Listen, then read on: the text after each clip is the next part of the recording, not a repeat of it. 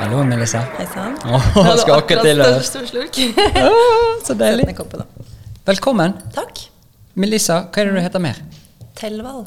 Oi, Mitt etternavn. hvor kommer det fra? Det er engelsk, Ja, for jeg er halvt engelsk. Ja. Så min far, han er britisk. Så det blir eh, Melissa Thelwall. Åh, det er jo fint. Ja, Ja, det høres veldig fint ut. Da jeg var liten, så sa, så sa alle naboene i gaten Å, eh, se foreldrene dine på Falcon Crest. Ja. For du For er det nesten var- Ja. ja, for det er min generasjon. Mm. Men uh, ja. ok, nydelig.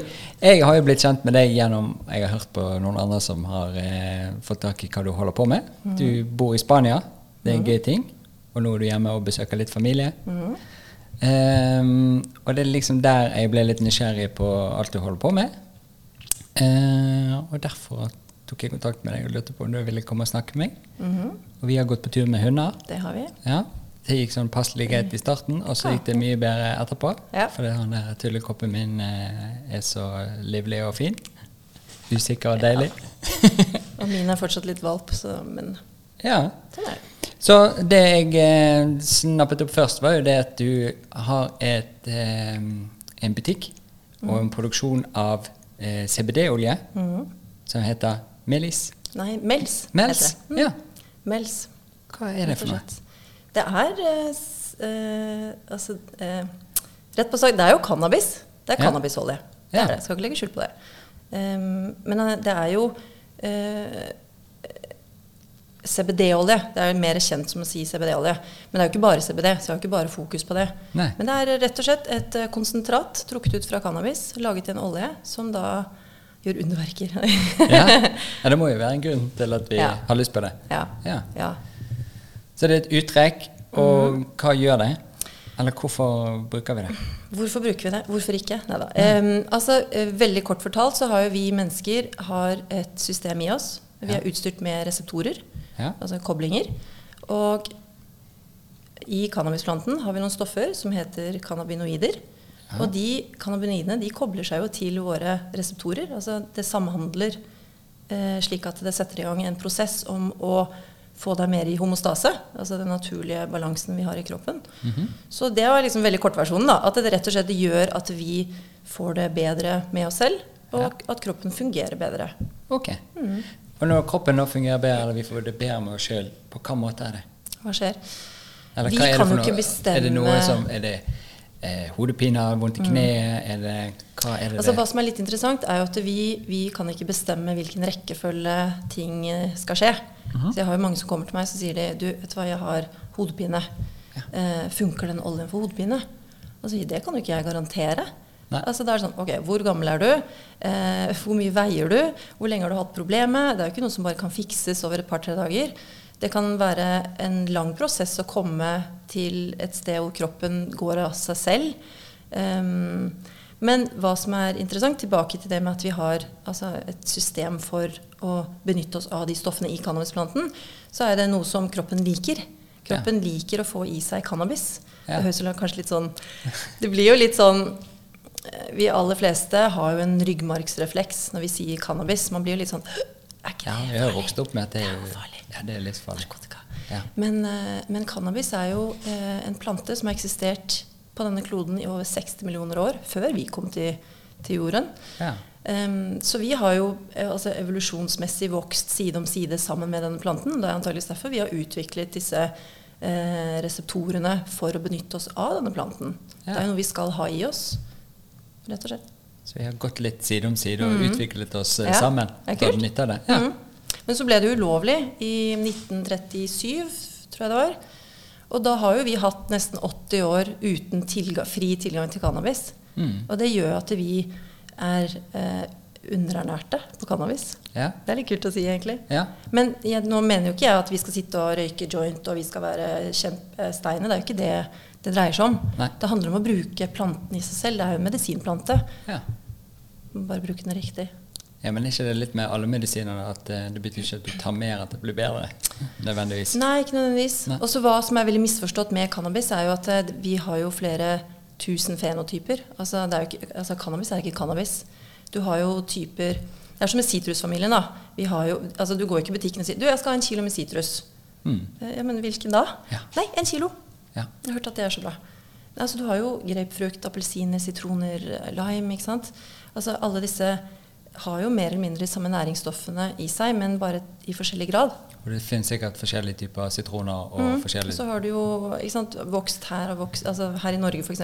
kontra nede i Spania hvor det er stor produksjon. Ja. Eh, og Sånn er det med cannabis også. Det er forskjellig kvalitet og det er forskjellige typer. Kommer an på hvor du vokser de, hva du gjør med dem, Ja. eh, og hva du har fokus på. Hvis du vil ha fokus på eh, å dyrke en plante fordi du vil ruse deg på THC, som er da det psykoaktive stoffet, så vil du selvfølgelig velge den typen som, som har mye THC, slik at det er det som er fokuset ditt.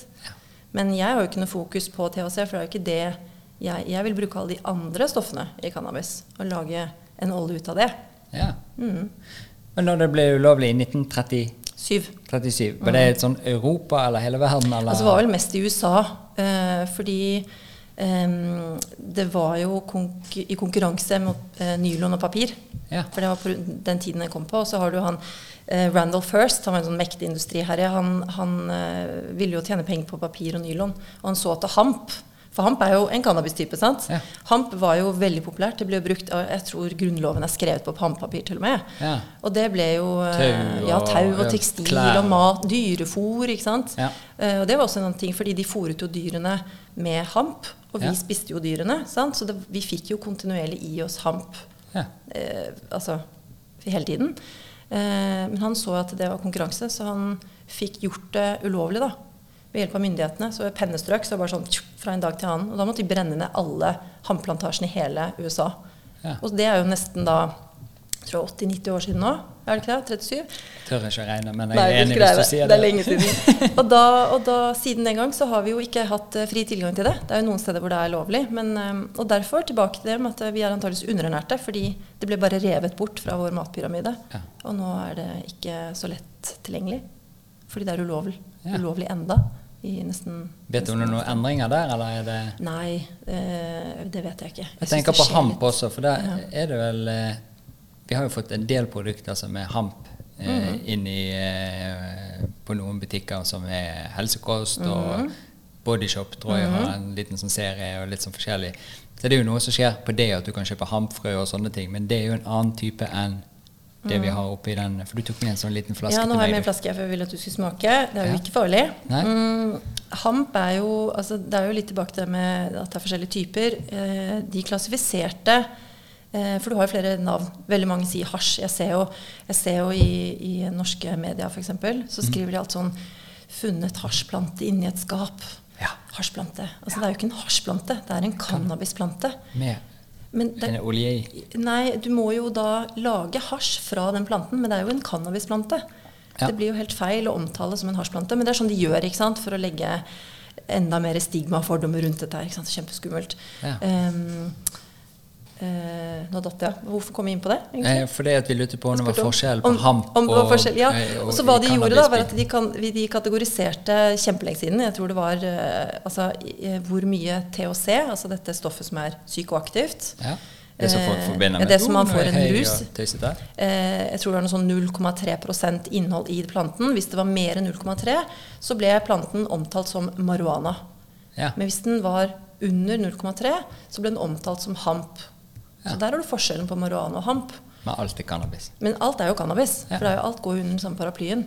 Så jeg ser jo nå at det er jo flere eh, kosmetikkserier som da har bildet, det klassiske bildet sant, av en, et cannabisblad. De kaller det sant? for det, Ja. det, det trygger det litt. Da blir Ja. det ikke så skummelt. Men det er jo eh, Og det er jo da Altså hamp er jo mye tryggere, på en måte. Altså, det, er liksom, det er greit å bruke. Hampfrø, hampolje, Mm. Ikke sant? Det er superfoods, som det ble så populært for mange år siden. Ja. Så mm. Spennende. Mm. Men hvordan kom du borti dette her, da? Eh, Du kan velge din versjon. Nei, da. For du må jo for det, ja, I hvert fall folk som jeg kjenner, så er jo ikke alle kjent med CBD-greien nødvendigvis. Og de nødvendigvis ikke satt så veldig dypt inn i alle mulige ting. Så jeg bare tenker, på en eller annen gang så blir du eksponert for noe som gjør at du får en interesse for et eller annet. Mm, altså det er jo litt uh, mange veier til rom, egentlig. Men Ja. jeg, um, eh, jeg, hadde, jeg drev helsekost. Ja, egentlig det som butikk. kanskje en butikk i Spania. Ja. Eh, og så var jeg, tror jeg var på åttende året. Ganske lei. Litt sånn Hadde lyst til å finne på noe nytt, noe annet. Eh, følte at det gikk litt sånn tregt. Eh, og så var det en, eh, en kunde som kom inn, og så sa hun at hun hadde hørt om CBD. Ja. At det var smertelindrende. Ja vel, sa jeg. også. det visste ikke hva jeg var engang. Hva er det for noe? Nei, det er CBD. Rett inn på Google. Å, det er cannabis. Kult. Så Ja. jeg dro hjem, begynte å lese. Eh, jo mer jeg leste, bare dyppet ned i det der eh, rabbit hole. Det var jo så gøy. Ja. Å shit, dette her er så spennende. Og bare kom tilbake neste dag og begynte å ringe rundt å finne leverandører som hadde CBD-olje. Det var nesten ingenting. Så kom jeg over en jeg tror et tysk merke eller noe. og De sendte over noen få prøver til Spania, og vi smakte på de, og vi var litt sånn er dette, er- This is it. Ja. Eh, jeg tror jeg prøvde det noen få dager og merket ikke noe forskjell. Og tenkte ja, sikkert en hype. Ja. Ikke. Men eh, på rundt på den samme tiden, for min mann er kiropraktor, så vi driver jo et kiropraktorsenter sammen. Ja. Og jeg hadde helsekosten i vegg i vegg med lokalene til kiropraktorsenteret. Så hadde vi åpning, da, sånn at mange av hans pasienter kom inn til meg, og vice versa. Ja. Og så hadde han en pasient som eh, oftest har kodeinnom for å si hei. Ehm, og han sa at eh, Oi, har du CBD? Kult. Det har jeg også prøvd. For han, han hadde vært i en ulykke. Han hadde fått et tre over seg, og så hadde han brukket nakken. Så han, eh, han ser ut som Frankenstein. Han har en, Ja. han har en ja, må, Jeg vet ikke hvor langt er det her. Kanskje 20 cm langs to sånne stålstenger i, fra nakken og ned. Ja. Så titter han inn sånn veldig som Frankenstein og så Hei! What's up? Og så så han at han hadde CBD, og så sier han at han hadde også prøvd det, for han hadde jo konstant nervesmerter Ja. med disse skruene. Og så sa jeg ja, jeg vet ikke helt. eh, Jeg vet ikke, helt om det, altså jeg vet ikke nok om det, men jeg syns det er interessant. Og så sier han du, jeg har en olje som jeg bruker. Og så fikk jeg prøve den, og så smakte den litt mye bedre, egentlig. Og det var veldig kult. Og så kom vi i dialog, eh, og han var interessert i å ta dette litt videre. Så han hadde da kommet over en, eh, en mann som var veldig interessert i å lage, og hadde lyst til å lage noe mer og noe større, men han trengte jo noen som kunne satse litt da, på han. Ja. Så spoler vi litt fremover, jeg lander butikken, og så bare sånn Vi satser. Let's go. Vi bare bestiller et lite yes. eh, La oss bestille noen få flasker, og så bare se hva vi får ut av det. Ja. Så vi sendte melding til han, eh, han eh, duden. Jeg kaller han kjemikeren nå, da, for han er jo liksom kjemikeren vår. Og sa at eh, kan du lage sånn og sånn, det er viktig for meg, det er økologisk, det skal være naturlig, ikke noe fyllstoffer, det skal være rent, det skal være fersk, ikke sant, alle disse kriteriene. Oh, I do my best, sier han. Og så, så fikk vi da noen prøver, og så var det bare silke. Det var jo så nydelig. godt. Ja. Og da, da begynte ballen å rulle. Og så bare bestemte vi oss. Dette, vi, la, vi prøver. Ja. Så da satser vi bare. Når var dette? Tre år siden. Ja. Mm. Så det er egentlig litt, Litt over tre år siden. Men har det gått greit? Folk er Ja. interessert? Det tok jo kanskje et år eh, å bygge opp, da. Det er jo vanskelig å bygge business. Ja. Eh, det er jo klart eh, cannabis i tillegg. Altså, det var jo mange som ikke Nei, det vil jeg ikke høre om. Ja. Til og med mamma, som egentlig har vært ganske åpen om altså, Foreldrene mine var jo hippier på Ibiza. Det var jo sånn de møttes. Ja. Så de var jo veldig åpne om det. Og det var jo, altså, cannabis var jo en del av kulturen på den tiden, på 70-tallet. Ja. Alle levde det glade liv. Ikke sant? Så lenge de hadde bananer og cannabis, så var jo de kjempefornøyd, og en gitar. Og da, så jeg husker da jeg var tenåring, så vokste jeg opp med at eh, det var ikke sånn negativ eh, vibe rundt cannabis. Eh, pappa var veldig åpen om det, for han, han brukte det jo mye på Ibiza. Han grodde jo selv, og det var jo en del av hans livsstil. Ja. Eh, men da vi flyttet til Norge, etter at jeg ble født, og, og, så var det jo ingenting, selvfølgelig, for det var jo ikke lov. Jeg turte ikke ta den sjansen, jeg er jo utlending og alt det her. Men, eh, men det, jeg tror det gjorde at jeg fikk en litt sånn Hva skal jeg kalle det? Altså det lå litt sånn latent at det var greit. Ja. At det var ikke harde stoffer. Så det var bare det at eh, cannabis, det er jo plante. Det er jo kult. For jeg husker pappa sa at eh, ja, det vokste jo vi vilt eh, i hagen da vi bodde på Ibiza. Det er jo ikke noe farlig, liksom. Nei. Så jeg tror kanskje det var det, det gjorde at eh, hei, dette er jo bare en naturlig greie vi finner i naturen. Ja. Og så hadde jeg drevet helsekost, som sagt. Ikke sant? Var opptatt av at det skulle være naturlig, og, og helse for, som du får fra naturen, det er jo kjempegøy. Ja. Så da bare var det Ja, ballen bare rullet. Syns det var veldig gøy. Men det tok som sagt, det tok kanskje nesten et år før folk flest begynte å bli litt sånn Ok, så du skal satse på det her? Du Ja. skal satse på cannabis?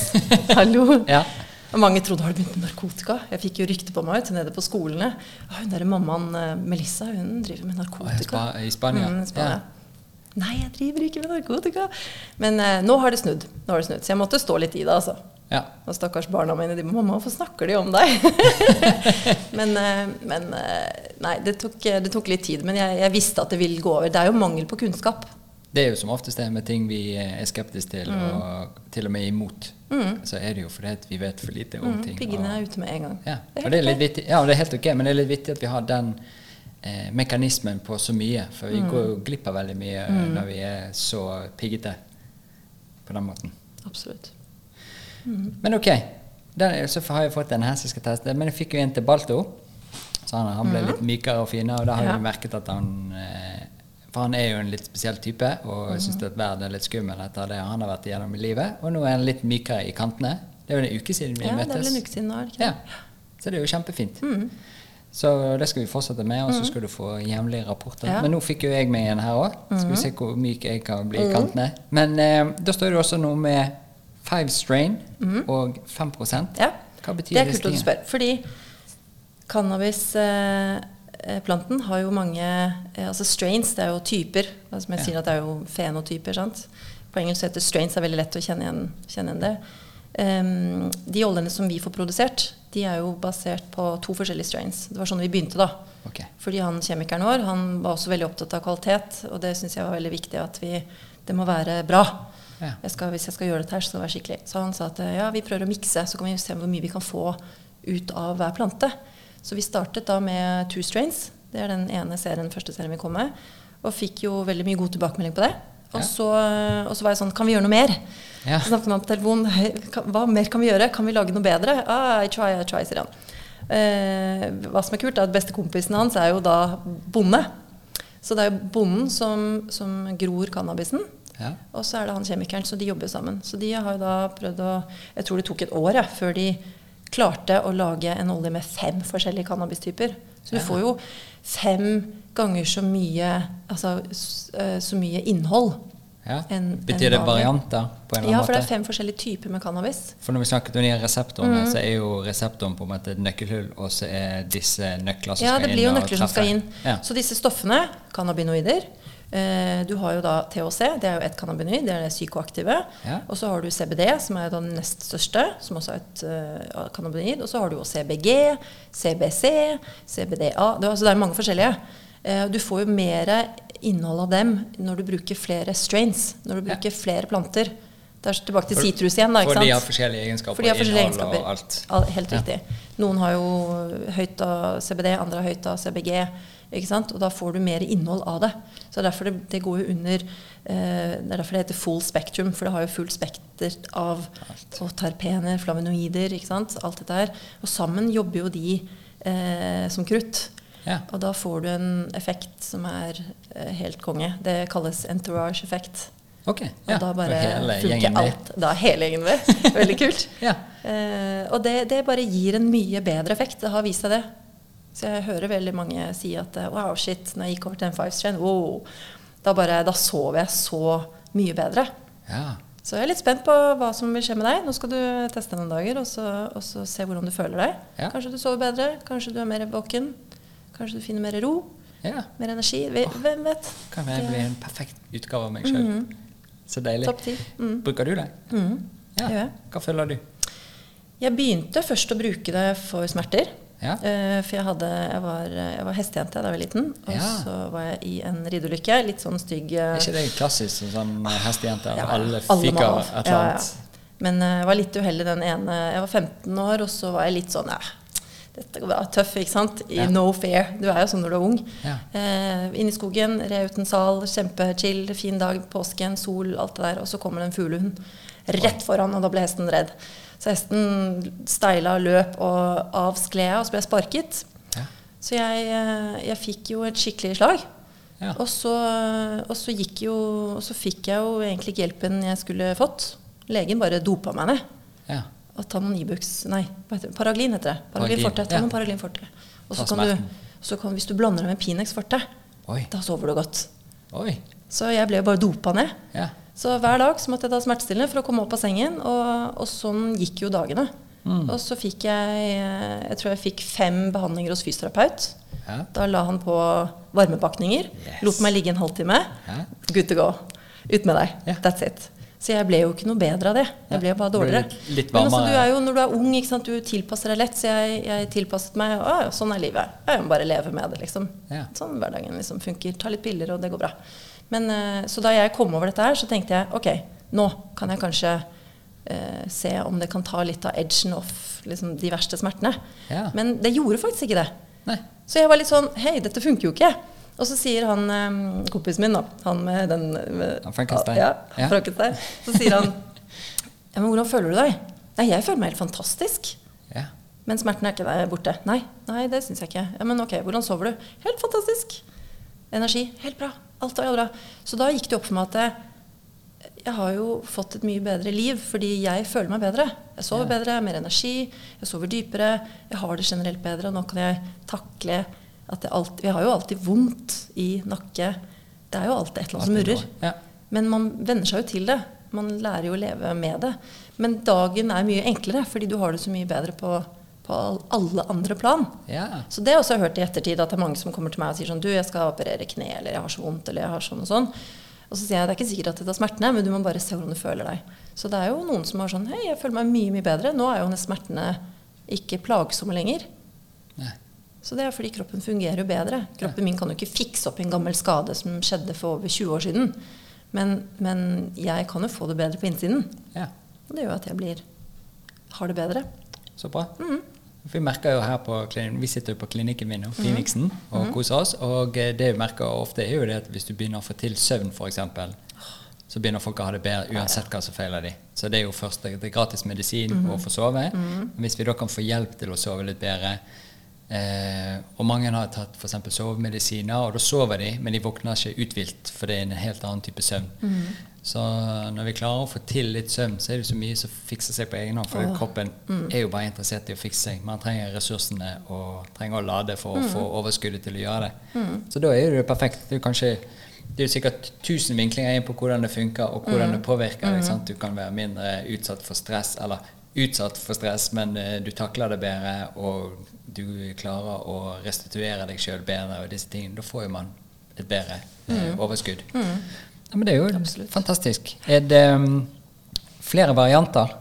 Siden nå spurte vi om femstrate, og så er det 5 Så det vil si at Mm. Ja. det er det er ikke 100 olje oppi en sånn flaske? Nei, altså det er jo eh, det er eh, 5 så det står her det står 5% og så står det også 500 milligram. Så i en hel sånn flaske så har du 500 milligram med CBD.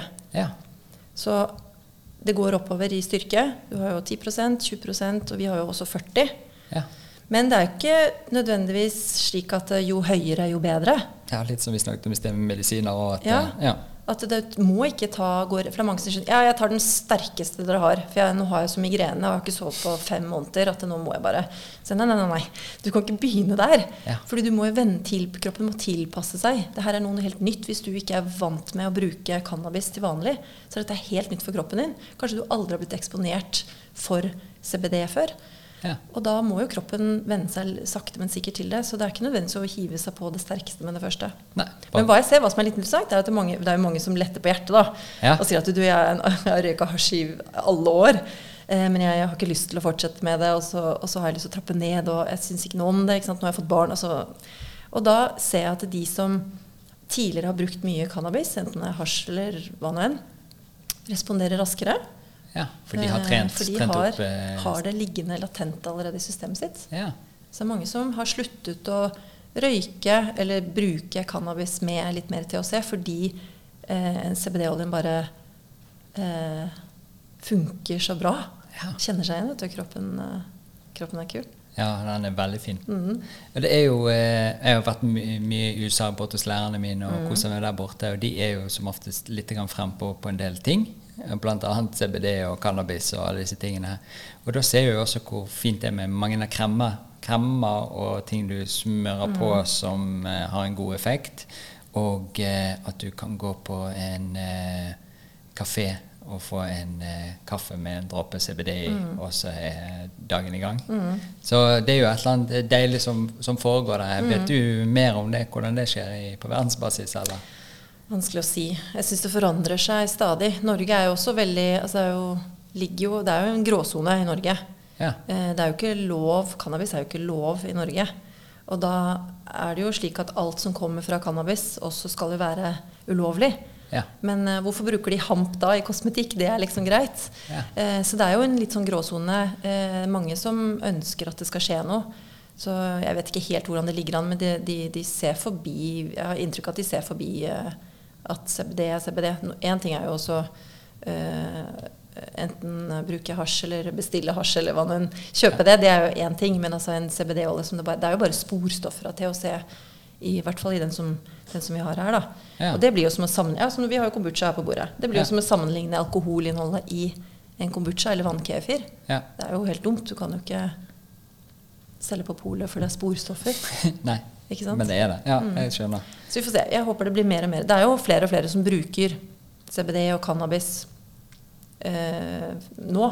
Så vi får bare håpe at det blir mer fokus på det snart. Og så er det vel kanskje sånn som jeg har oppfattet det og lest litt, i gang, at det, det er fokuset på en del av de andre virkestoffene fra cannabis enn bare det som gjør folk høy. Eh, og derfor har man hatt så mye rare ting på markedet, fordi at eh, det har vært dyrket i en retning for å gjøre folk høy, istedenfor å gjøre det, den behagelige biten og det som hjelper kroppen i en retning og kan ha Det en, en større de Ja, positiv effekt, ja de, istedenfor bare å bli det er jo ofte eh, ofte de det som jeg, altså jeg, jeg, Nå hører jeg jo veldig mye etter at jeg er i denne verden. her, Det høres så mye rart ut. Folk sier som letter jo på hjertet sitt. Men jeg ser jo at det som blir kjøpt i Norge, Ja. er jo da selvfølgelig dyrket frem med høyt innhold av THC fordi man ønsker å ruse seg. ja.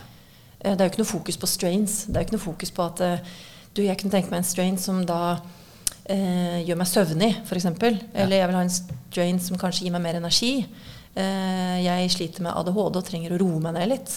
Eller jeg, er, jeg har eh, ligget med ME i lang lang tid og trenger noe som kan løfte meg opp litt. Ja. Det er jo ikke noe fokus på det her. Fordi her er det bare sånn du går på gata, og så, eller hvordan, vet ikke jeg hvordan man kjøper det her, men Nei. altså sende Snapchat eller hva det er man gjør, da. Og så bare får du det du får, og that's it. Um, og det kan være kjempedårlig kvalitet. Det er jo ikke noe rart at mange får en dårlig erfaring når de skal prøve cannabis første gang, hvis de ikke vet hva de får i seg. Ja. Så tar de og får i seg altfor mye, ligger og spyr og har det helt pyton, og så sier aldri mer. Og så er det piggene ute, og så cannabis nei, nei, det, det har jeg prøvd én gang. Det høres mye. Ja, det har jeg prøvd én gang. Aldri igjen. Ja. Det er 30 år siden jeg prøvde, jeg skal aldri. Helt Men jeg kan jo kanskje også skjønne hvorfor det blir dyrket sånn. fordi at når noe først er ulovlig, og noen vil ha den lille eh, følelsen av et eller annet høy, eller hva det er, så er det jo sikkert det at jo mer høy for pengene, jo bedre er det. Mm. Fordi at det, vi har de reglene vi har i dette landet. Ja, det er klart. Skal du bli høy, så skal du forte deg å bli det. det. På, det vi høy, og det kan jo se litt sånn ut på norsk eh, drikkekultur òg, at Mhm. eh, vi har jo en tendens til ikke bare å kose oss, vi har jo lyst til å bare bli mest mulig full. I dag skal vi drikke. Ja. Ja. Og det er litt sånn, når vi drikker, så drikker vi. ja. Og nordmenn drikker, altså. Eh, De er veldig flinke til det. Du, ikke jeg- flink jeg- kanskje, men de er flinke til å drikke mye. Ja, mye. Jeg var på um, Jeg har vært i karantene, så jeg har jo Men jeg har gått mye tur. Ja. Eh, og så har jeg satt jeg med en park, og så satt jeg med boken min for noen dager siden, og så var det en, en, um, en gjeng med unge Jeg tror de må ha nylig vært ferdig med russetiden. og så- For jeg, det var det jeg fikk inntrykk av. Jeg hørte jo liksom litt sånn Nei, du har Men- litt ja, litt øreord. Og så sier, så sier han ene Du, gutta. Eh, ja, jeg har prøvd weed, sier han. Ja. Og da ble jeg jo helt der, da. Ja. Å, hva skal du si nå? Og så sier han Ja, jeg prøvde weed her om dagen. Eh, å, er det sant? sier de andre. Ja, ja, ja. Det var dritbra. Ja. Altså, å, eh, fortell mer. Nei, vet du hva, det er jo så mye bedre enn alkohol. Det er jo så chill, sier han. Å, fortell mer, sier de andre da. Nei, altså, vi kom inn, og så satte vi oss ned, og så alle fikk smoka litt. Grann. Det er så gøy å høre. Ja, ja. I språket ja, det er så ja. Ja. Og så vi alle smoka litt, grann, og så satt vi og venta, og så gikk det en liten stund, og så bare var det så chill. Det var så digg. Ja. Eh, det her er mye bedre enn alkohol. Og så hadde jeg så lyst til å liksom sånn Du, eh, kan ikke dere fortelle litt mer? Dette her er interessant. Dette det driver jeg med. Altså, eh, for hva jeg syns er så synd, er at eh, jeg vet at Henning har jo snakket litt om dette her. Ja, fra podcast- Hennings fra Hennings Verden. verden. Det her Ja. synes jeg er litt kult. Hvordan alkohol er liksom så greit. Det så, for det er jo lov, ikke sant? Kulturen vår. Det er kulturen vår. Vi skal Ja. drikke, og vi, det skal alltid liksom Alkohol er greit. Sosiale settinger. Ja, ja, ja. Og så og så kan vi drikke masse. Det er fortsatt greit. Du kan være drita full, og så er det liksom greit. Men å prøve cannabis, eh, litt økologisk eh, tørket cannabis eh, hjemme uten at noen skal bry seg, liksom, det er ikke greit. Ja.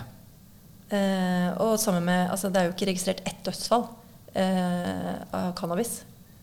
altså hvis vi da sammenligner med alkohol, da. Ja. Hvor mange dødsfall har det vært når det har vært alkohol i bildet? Ikke sant? Så jeg syns det var litt gøy og Nå er det kanskje litt feil av meg å si, jeg har Ja. jo barn selv, men jeg syns det var litt gøy å, å høre at de eh, syns det var, de hadde hatt en fin opplevelse. Og så så de selv at eh, du, cannabis er jo mer chill enn alkohol. Det var, det var helt chill stemning. Det var så digg. Vi bare satt der og koste oss. Kontra når ikke sant, alkohol øh, drøkka, ikke sant? Jo, men det er litt sånn jeg føler også når man begynner å snakke om det, eller er litt Jeg er liberal og åpen for, for ting, og så er jeg helt med på dette her, eh, og det er den tror jeg av og til folk glemmer. Det å bruke cannabis eller et eller annet annet betyr ikke at du er en rusmisbruker. Nei. Du bruker noe, og så betyr ikke at det er det hele dagen dreier seg om. Eh, og hvis du da sammenligner det med alkohol, så tror jeg det mange sier er mer i den rusmisbrukerbiten med alkoholmengde i løpet av en uke enn en noe annet. Og denne biten der føler jeg av og til bare forsvinner litt. Og så når du har sagt at eh, Ja, jeg syns vi skulle vært litt mer liberale liberal med, med cannabis i Norge, fordi er statistikker og forskning og alt viser at altså det er så lite negative ting, bortsett fra noen forskninger som viser at det er springbrettet til noe annet. Men det kan vi gå inn i forskningen og se på det. og det er litt sånn dette der. Men akkurat så det, med en gang du er liberal til det, så er du plutselig åpen for alt. Ja. Eh, og det er jo ikke sånn det må være, trenger å være. Nei. Jeg trenger jo ikke være heie på alle mulige ting bare for Nei, man, eh, Bare for man er man åpen for åpen det. for noe. Men jeg husker jo det da vi flyttet ned til Spania. Det er nå eh, 18 år siden eller noe sånt nå, cirka. Ja. Lenge siden. Ja. Um, Du trives jo tydeligvis, siden Ja, du er der fortsatt. Mm. Så husker jeg at vi, eh, vi For vi åpnet jo klinikken sammen. Eh, og så satt Traff dere dere før dere reiste ned? Ja, vi møttes her i Norge. Nydelig. Så, så reiste vi ned sammen. Og så hadde jo jeg eh, Visste jo ikke helt hva jeg skulle drive med. For jeg hadde jo lyst til å bli akupunktør. Ville du det? Ja. Ja. Det hadde jeg lyst til. Jeg hadde søkt og begynt å kjøpe noen bøker den sommeren. Og så fant vi ut nei, vi bare drar. Og så pakket vi bare alt, og så reiste vi ned til Spania. Eh, men da husker jeg at det første året så, så begynte vi å få litt spanske pasienter. Og jeg surra litt rundt i resepsjonen og hjalp litt til. ikke sant? Jeg styrte jo hele sjappa der. Og så noen ganger så luktet det cannabis i resepsjonen, og jeg ble jo så stressa. Kommer jeg fra Norge, ikke sant. Bare det lukter. Lufte vinduet, ikke sant. Opp med der og gjennomtrekk. Og her, vi kan ikke ha det her. Dette her er jo seriøs eh, praksis.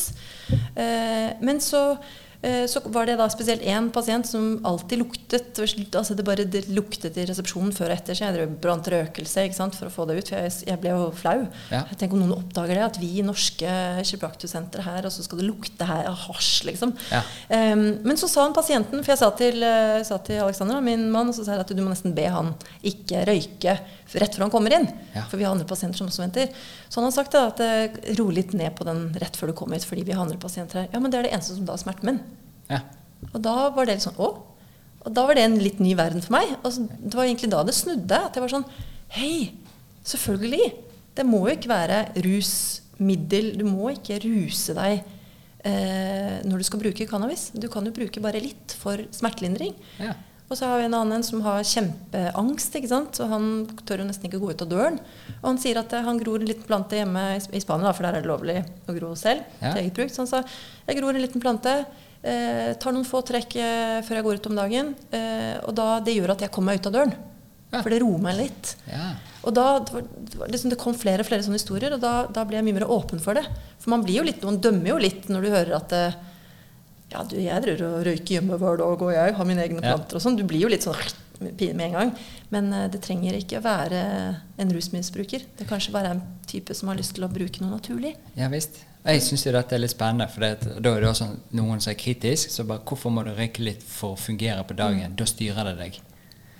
Kan være, men hvis det er det som skal til for at du funker, så er det jo greit. Og så lenge det ikke går utover noen, så er det helt fint, og du har det bra. Så har du alle de som står opp om morgenen og ikke kommer seg i gang før de har drukket kaffe. Så hva er det da som styrer deg? Og vi vet også hvor mye kaffe styrer hormonsystemet. Og den Yes. mengden vi drikker kaffe i moderne verden nå, er jo helt ute av kontroll. Og masse problemer som også ser på klinikk, er jo fordi stressnivåene er for høy. For å se på dette med at folk ikke klarer over De får energi av kaffe, sier de. Men kaffe gir jo ikke energi. Det henter fra et overskuddslager, litt som amfetamin og sånne ting. At det henter fra, fra binyrene dine og setter i gang kortisol og litt forskjellige snadder. Så det vi gjør egentlig, er å bare booste noe og tappe oss for energi, sånn at vi får en liten sånn topp og føler at vi er kvikk, og så detter vi igjen. Og det er da jeg tenker det er så lett for å alltid peke på andre ting og så ikke se seg sjøl. For kaffe er veldig utbredt og veldig akseptert. Men det er en ganske stort, eh, stor utfordring, eh, ser det ut som, for veldig mange. Fordi at eh, vi har så mange andre stressår som også er tilgjengelig. Sant? Vi sitter og ser på TV, en, en type lys vi får i øynene. Vi har, vi har kaffe, våre, ja, informasjon mm. som kommer overalt hele tiden. og dit og dit. Vi har veldig mange stressår. Og når man sier Det er ikke naturlig å måtte røyke cannabis. Man må, for mennesket i evolusjonen så er det ikke naturlig å bo i en by heller. Så Derfor må vi forholde oss til veldig mange ting som setter oss i gang og stresser oss. Det betyr ikke at vi ikke kan tilvenne oss. Men jeg bare tenker det er så lett for å bare se denne ene varianten ut fra sitt eget lille vindu, og så ikke se inn at å ja, men jeg kommer jo faktisk ikke ut av døren før jeg har drukket kaffe. Jeg Og, eller fungerer snus. ikke. Jeg ser jo Ja, det er så mye snus her i Norge. Ja. Alle snuser. Til jenter. Eh, altså, Ja. Og det er mange som Snusboksen ved siden av på nattbordet, den må inn. Og så stå opp, eh, rett bort til kaffemaskinen. ikke sant? Et par sånne kopper. Og så da, da kan du starte dagen. Ja. Eh, det er greit. Ja. Det er jo en form for avhengighet. Det er jo rus. Det er jo en rus. Ja. Ikke sant? Sjokolade også. Det, noen får rus av å spise sjokolade. For det er jo Ja. sukker og bare husj. Ja. Eh, og det syns jeg jeg liker den tankegangen. Akkurat det du sier, det, det liker jeg. Det er så viktig å få mer fokus på det. For det er så lett å dømme noen bare fordi de bruker f.eks. cannabis. Nå kjenner jeg ganske mange. Jeg har kommet i kontakt med mange som da eh, forteller at de kommer ikke ut av døren ikke sant? hvis de da ikke benytter seg av det og det. Mange som nede i Spania. Så det er jo bare flere og flere som dyrker selv. Ja. De lager kanskje uttrekk, kanskje de lager eh, kremer. Det må ikke nødvendigvis bety at du sitter der med hasjpipa og ikke sant? Det er jo det folk tror. Det er det du holder på med det det hele dagen. Ja, ja, ja. Men eh, nei, se det, jeg, jeg håper at jeg kan bidra til å, å snakke mer vennlig rundt det. Jeg snakker jo med barna mine om cannabis, til og med. Det er jo fint. Jeg lærer dem om cannabis og CBD. De er jo med på jobben noen ganger og hjelper meg. og de må vite hva de driver med. Ja. Så vet hva dette her er for noe. Ja, vet hvor CBD kommer fra, vet hva cannabis er, vet at det også kan eh, røykes. ikke sant? Så mm, nei, det er, det er viktig for meg å være åpen. Det var mine foreldre med meg, og jeg, jeg dro veldig nytte av det. Ja, for det tror jeg også er viktig, og det kommer tilbake igjen, for vi er et samfunn som liker alkohol, og det, Mm. det er helt greit. Eh, det har mye konsekvenser, men det, det er vårt samfunn. Og så har du andre land som har katt, og så er det andre som har cannabis, og så er det andre som har et eller annet annet. Mm. Eh, men vi, i våre normer og regler, så har vi bestemt oss for at alkohol er greit. Da er det fint. Men det jeg syns er litt rart også, er at eh, veldig mange når de vokser opp, så er det et veldig eh, eh, Foreldrene prøver å skjerme dem fra alkohol og late som det ikke er en del av samfunnet, når det er en veldig stor del av samfunnet. Og så plutselig så er de 18, og så er det ingen som har lært dem opp til noe. Og da husker jeg så eh, Jeg husker ikke hvor jeg så det, men det var en, eh, en, eh, et sånt naturprogram, og da besøkte de noen stammer og litt forskjellig. Og der hadde de ritualer med en del eh, stoffer som de tok. Noen plantegreier, så de ble litt sånn gøy av. Men da hadde de alltid de voksne som var med på å fortelle og guide de og, og, og gjøre det til en trygg setting. Eh, og det tror jeg vi mangler litt i, i samfunnet vårt. Rundt vi, alkohol. Vi, Mm. ja, og egentlig alt som vi ble det, det er så lett for å prøve å ta det vekk og gjemme det og late som ikke det Ja. fins, Ja. og så plutselig så er det der. Og det, de fleste vet jo at når et, et barn vokser opp, så på et eller annet tidspunkt så kommer de til å teste. Mm. Uansett. Er ikke det da bedre at vi sitter oss ned og forteller, og kanskje til og med drikker alkohol sammen for Mm. Ja. å bare Ja. eh, forklare hva er det som foregår. Ja. Og det er den jeg mangler litt, for vi er så lett for å enten være sånn eh, ikke noen ting, Mm, og så eh, gjør vi det egentlig 100 likevel. Jeg er enig. Jeg, Jeg, Vi, vi kunne trengt en sånn her eh, vis, vis person i Ja. flokken som bare Ja. tok folk og bare viste de sånn og sånn er det. Ikke gjør for mye, for da skjer dette, Ja. og da blir du dårlig, og så spyr du. Ja, men jeg snakker jo, Nå har jeg en tenåring i hus, og det er klart, nå begynner hun å bli eksponert for uh, de litt større. ikke sant? Du ser jo det når de er ute og surrer rundt i, i byen der hvor vi bor. Eller i landsbyen, det er jo ikke akkurat by. Ja. Eh, hun ser jo de som er litt eldre. De står der med ølflaskene, ikke sant. Eh, så det, det kommer jo nå. Ja. Det er jo ikke noe vits at jeg skal bare feie det under teppet Nei, vi snakker ikke om det. Det må du aldri gjøre. Nei. Jeg sier når den tid kommer, vær forsiktig. Ikke, ikke hiv deg på Tequila-shots eh, første kveld ute med venninne, For det liksom. har vi alle prøvd, og Ja, det gikk ikke så greit. det har jeg gjort. Og da, da, da spøy jeg over hele gaten, ikke sant. Ja. Og venninnen min hun spøy i buskene, hun spøy Altså, den derre jeg, jeg, jeg husker Det er den med eh, den eh, plasthatten på. Eller pisangabong. Den der som alle blir litt dårlige for når de går sånn av forbi tenker, på ja, på Vinmonopolet, så ser du den som bare. Jeg tror alle har blitt dårlige på tequila. Ja. Ehm, så jeg, jeg er ganske åpen rundt det og sier at eh, når den tid kommer, vær forsiktig, ikke blande, styr unna sterk sprit, fordi det er det som er skikkelig farlig. Uh, vær trygg, ikke sant. Jeg har allerede begynt nå. Noen syns kanskje at det er helt vilt at jeg skal snakke til en snart 14-åring og, og si sånne ting, men jeg vil heller at hun skal vite hva som skjer. Enn at hun bare skal gå ut, og så blir det plutselig servert alkohol. ikke sant? Og bare, «Eh, tequila shots, ikke sant? Og så være redd for å, å, Og så- å vise seg for deg. Ja, så tør hun ikke å komme hjem. ikke sant? Så jeg også sier at jeg, du kan alltid ringe. Uansett hva du gjør. Det må du vite i fremtiden. Ring meg. Jeg er der.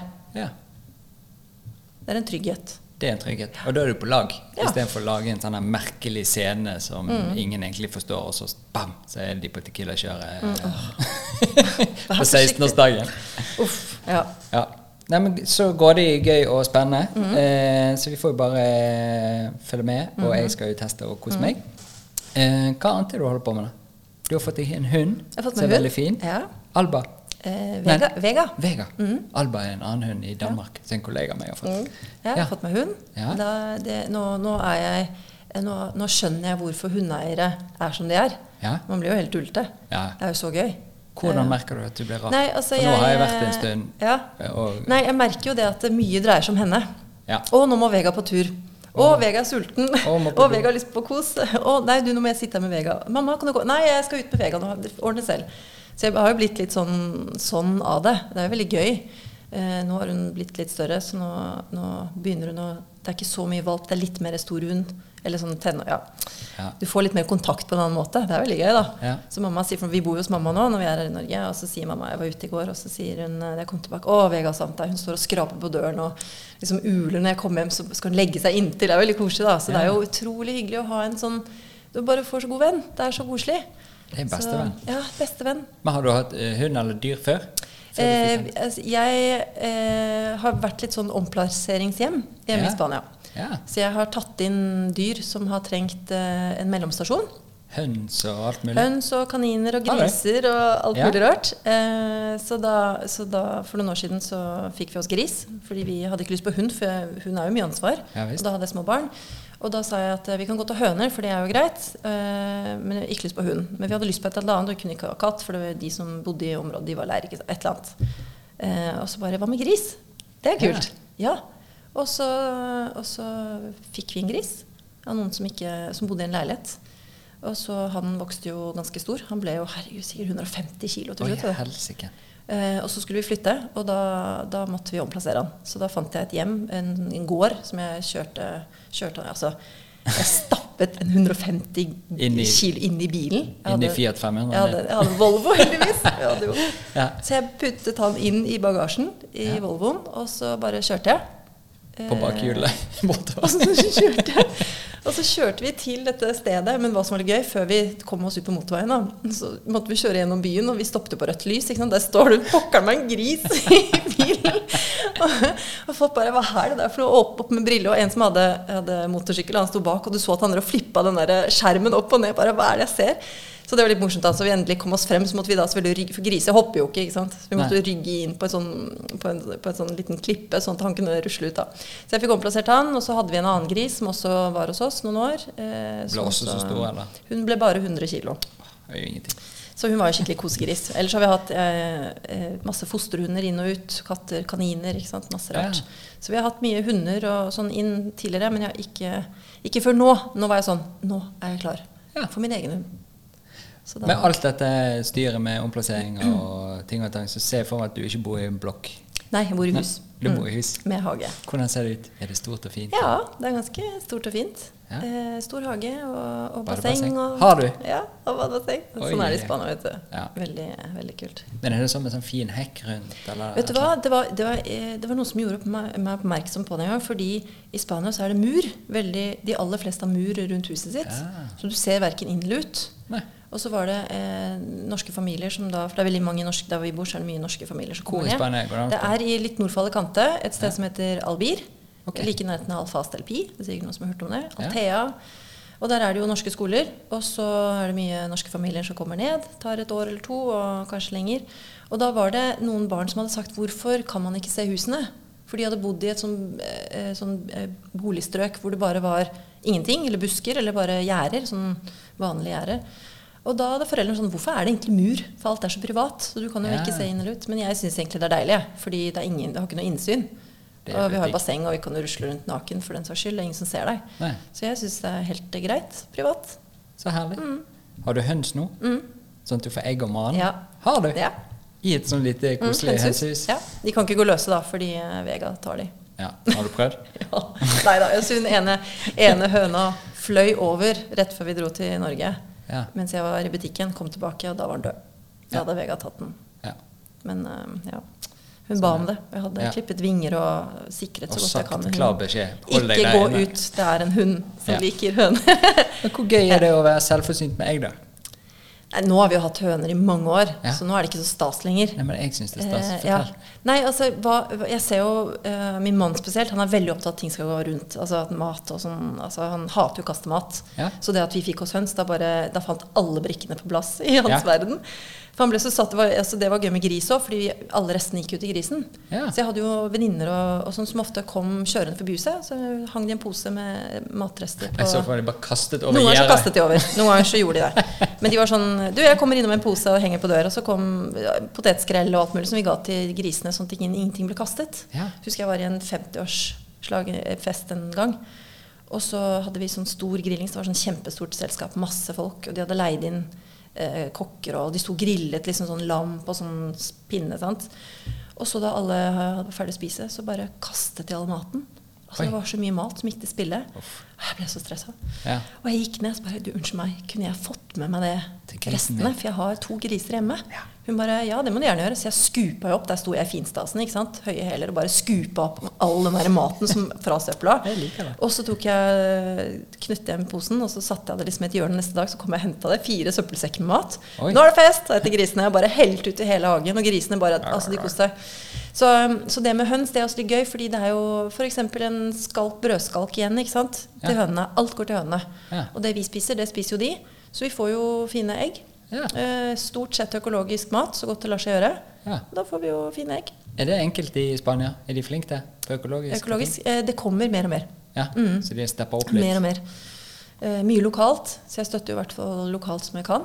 Men det er mye, mer og mer økologisk som kommer. Har de noen sånn Reko-ring-lignende sak? Eh, eller ja, de har jo markeder, da. Så Ja. hver uke så er det jo marked. Så da må, du, da må du finne de bodene med de menneskene du kjenner igjen. Det er f.eks. en fyr som har avokadoer oppe i fjellene. Ca. en halvtime. der de er vi- gode. De er gode. Eh, og da må jeg finne han hvis jeg skal ha avokado, Fordi da vet jeg at eh, hans avokado de, de gror nedi en dal. Ja. Og så får de vann fra un, underfra. Ja, Un- Underfra, heter det. Ja, det heter det. Ja, fordi eh, det er så fuktig. Så når Ja. du går eh, i den dalen, så kjenner du at det er skikkelig fuktig, så de trekker jo vannet opp Istedenfor at de må bruke yes, istedenfor at de spiller. vanning. ikke sant? Ja. Ehm, det er sånne ting som jeg syns er kult. Nydelig. Ja. Ja. Jeg ser for meg, ja, det er de markedene, for nå har vi vært litt i Spania og litt rundt om nedi der, så er jo det samme gent. Du kan gå til det markedet, så er det bare etablert at sånn er det. Eh, Du slipper å gå inn på noe Ikke det at Reko-ringen liker jeg veldig godt, eh, men det er så vanskelig å finne frem inne på Facebook når du er litt utdatert. Ja. Men det er så gøy å bare kunne være der, og at markedet er så stort at de blir kvitt eh, råvarene de kommer med. Eh, Stort sett. Ja. Det, er jo, det er jo faste dager med marked. Ja. Så der hvor vi bor, så er det hver søndag. ja. Da kan vi gå ned og handle blomster og frukt og grønt og hva nå enn. Hva var det som gjorde at dere flyttet til Spania? Um, alt, egentlig. Altså, Både Alexander og jeg var jo godt etablert her. Eh, Jeg hadde da akkurat kommet inn på akupunktur. Jeg skulle begynne på det. Ja. Eh, og så var eh, Alexander drev jo praksis på Røa. Han er jo kiropraktor, og alt gikk som det var. Altså, vi hadde jo egentlig alt. Ja. Men eh, heldigvis så er vi ganske like typer. Litt sånn rastløse, alltid lyst på noe nytt, noe kult, skal gjøre noe gøy. ikke sant? Litt sånn typisk eh, Vi er jo skytter. Vet, altså, altså, ikke at man er så veldig sånn opptatt av horoskop, men, ja. men skytter spesielt er veldig sånn Liker å flytte på seg og kreative, og det skal skje ting. ikke sant? Litt sånn action. Yeah. Og så var vi i uh, Spania på ferie, for min far flyttet jo dit uh, etter, etter hvert. Aha. Eh, og da bodde han i Spania, og da var jeg på, mye på besøk. Og da var det en sommer hvor vi sa du, Alexander, bli med ned til Spania. Og så var vi der nede. Han stortrivdes. Året etter så dro vi igjen. Og da var pappa litt sånn Du, Alexander, du er jo kiropraktor, det er jo så mye nordmenn her. Hvorfor kan du ikke bare flytte ned hit og starte klinikk? Og da så vi på hverandre og så bare Yeah, skal vi gjøre det, eller? Ja. Og fire måneder senere satte vi nøkkelen i døren hjemme hos pappa, og da hadde vi dratt. Fantastisk. Så vi rakk å selge hver vår bil og si opp leiligheter og pakke saker, og off we go. Åh, det høres helt fantastisk Hva er det beste med å bo i Spania? Klima, kanskje? Ja? Det Er er, det mer stabilt? stabilt? Eh, ja. Vi har jo noe sånt som 320 soldager i året. Ja, sant. Like mye regndager som regndager i Bergen. Mm, Ja, ikke sant? Så jeg tenker jo at klima er jo først og fremst nummer én av topp eh, hvorfor jeg bor i Spania. Ja. Eh, og så syns jeg livet er lettere på mange måter. Ja. Eh, jeg syns det er, eh, det er laid back, det er chill. Det er, det er, vi bor rett ved havet. Det er Slapp av, det er ikke så mye stress. ja. Er det ok å være utlending? Ja, i der hvor vi er, så er det det. For det er jo litt sånn Little Norway, da. Ja. Ehm, så det er jo mye nordmenn der nede. Men, eh, men eh, det er også helt ok. Ja. Jeg hadde ikke trodd jeg skulle bli så etablert i det norske miljøet. For jeg tenkte å, Spania, det er kult. Jeg hadde, vært i, jeg hadde vært på universitetet i Alicante noen år før og lært spansk. Ja. Og tenkte å, jeg liker det spanske, jeg liker spanjolen, jeg liker språkmaten, alt. ikke sant? Kulturen syns jeg er kjempegøy. Og så kom vi ned, og så ble jeg sånn å, hola, hola, vi må bli eh, spanske. Ja. Men, eh, men det ble fort til at vi, vi, vi mm, det, det klinget bedre med nordmenn. Det er noe med å komme i et annet land og altså ny kultur og Det ble liksom ikke helt sånn som vi hadde trodd, så vi bare sånn Ok, men da, da blir det sånn. ja. Det er ikke vits å stritte imot Nei, nei, hvis det føles greit. Nei, så vi har jo er venner happy. fra alle mulige rare steder Ja. eh, over eh, i Europa og rundt sånn, men eh, det, jeg ser at det er mest nordmenn som vi, som vi går best med. Ja. Mm. Det er vel gjerne bare sånn. Ja. Ja. Hvordan eh, får du med deg hunden opp her, da? Til Norge? Ja. Jeg fløy. Gjorde det? Og hadde nede i eh, Mm. Hanskerommet? ja, hanskerommet, ja. Jeg kviet meg litt, da. Det var jo, hun er jo valp, så jeg, hadde jo, jeg forhørte meg litt rundt hva skal jeg gjøre. Skal jeg ta henne med? Skal jeg la henne bli? Og da falt på det at eh, hun er såpass liten at det er best at du tar henne med, for du skal være borte såpass lenge. For jeg er jo nesten i seks uker nå. Ja. Og det var for lenge å være borte. Så da ga jeg henne CBD. Ja. eh, et par uker i forkant. Eh, og så øvde jeg masse på inn og ut av bur og bråk og kom hit og gikk litt i byen og gikk inn på noen butikker som jeg kunne ha med hunden inn. Og liksom, liksom utsatte henne for litt sånn stress. Ja. Sånn at hun var klar over at det, var trygt for det. Ja. Og så har vi jo katter hjemme, og alle gikk inn i, inn i buret hennes lå og sov alle om hverandre. ikke sant? Buret sto fremme. Så det gikk veldig fint. Så da vi kom på flyplassen i Alicante, så fant jeg to andre hunder som også skulle fly, Ja. på samme fly. Og jeg bare sånn Å, de må hilse, de må hilse, for de skal sitte ved siden av hverandre på fly. Ja. Og så da jeg hentet henne på Gardermoen, så gikk alt uh, kjempefint. Ah. Hun er ikke preget av det i det hele tatt. Hun kom ut og happy camper, og alt er bra. Så det Mm. Så jeg er veldig glad for å ha henne med meg, for det er veldig koselig. Ja, så kjekt. Mm. Jeg vet om noen som har eh, Jeg vet ikke om det heter hytte når du flyr til eh, Cape Town eller Sør-Afrika, men Mm. i hvert fall. De har et feriehus der. Og der tror jeg det er KLM. Da er det en sånn egen lounge for de som reiser med dyr. Så du får med deg dyret inn på flyplassen i den loungen. Og så får de sitte nede i denne luken der som flyvertinnene sover.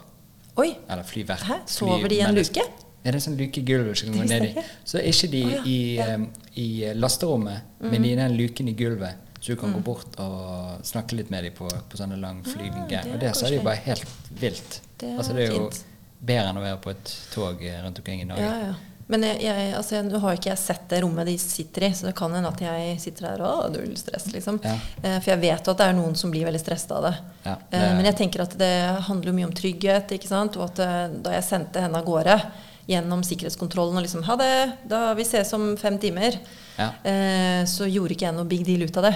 Nei. Så hun bare sånn Ok, nå forsvant hun, og så da jeg kom tilbake igjen, så var alt bra igjen. Ja. Eh, men de, de, det er jo samme trykk og temperatur og samme lyder som om det skulle være inne i, eh, kabinen. Ja. Så det skal jo ikke være noe forskjell.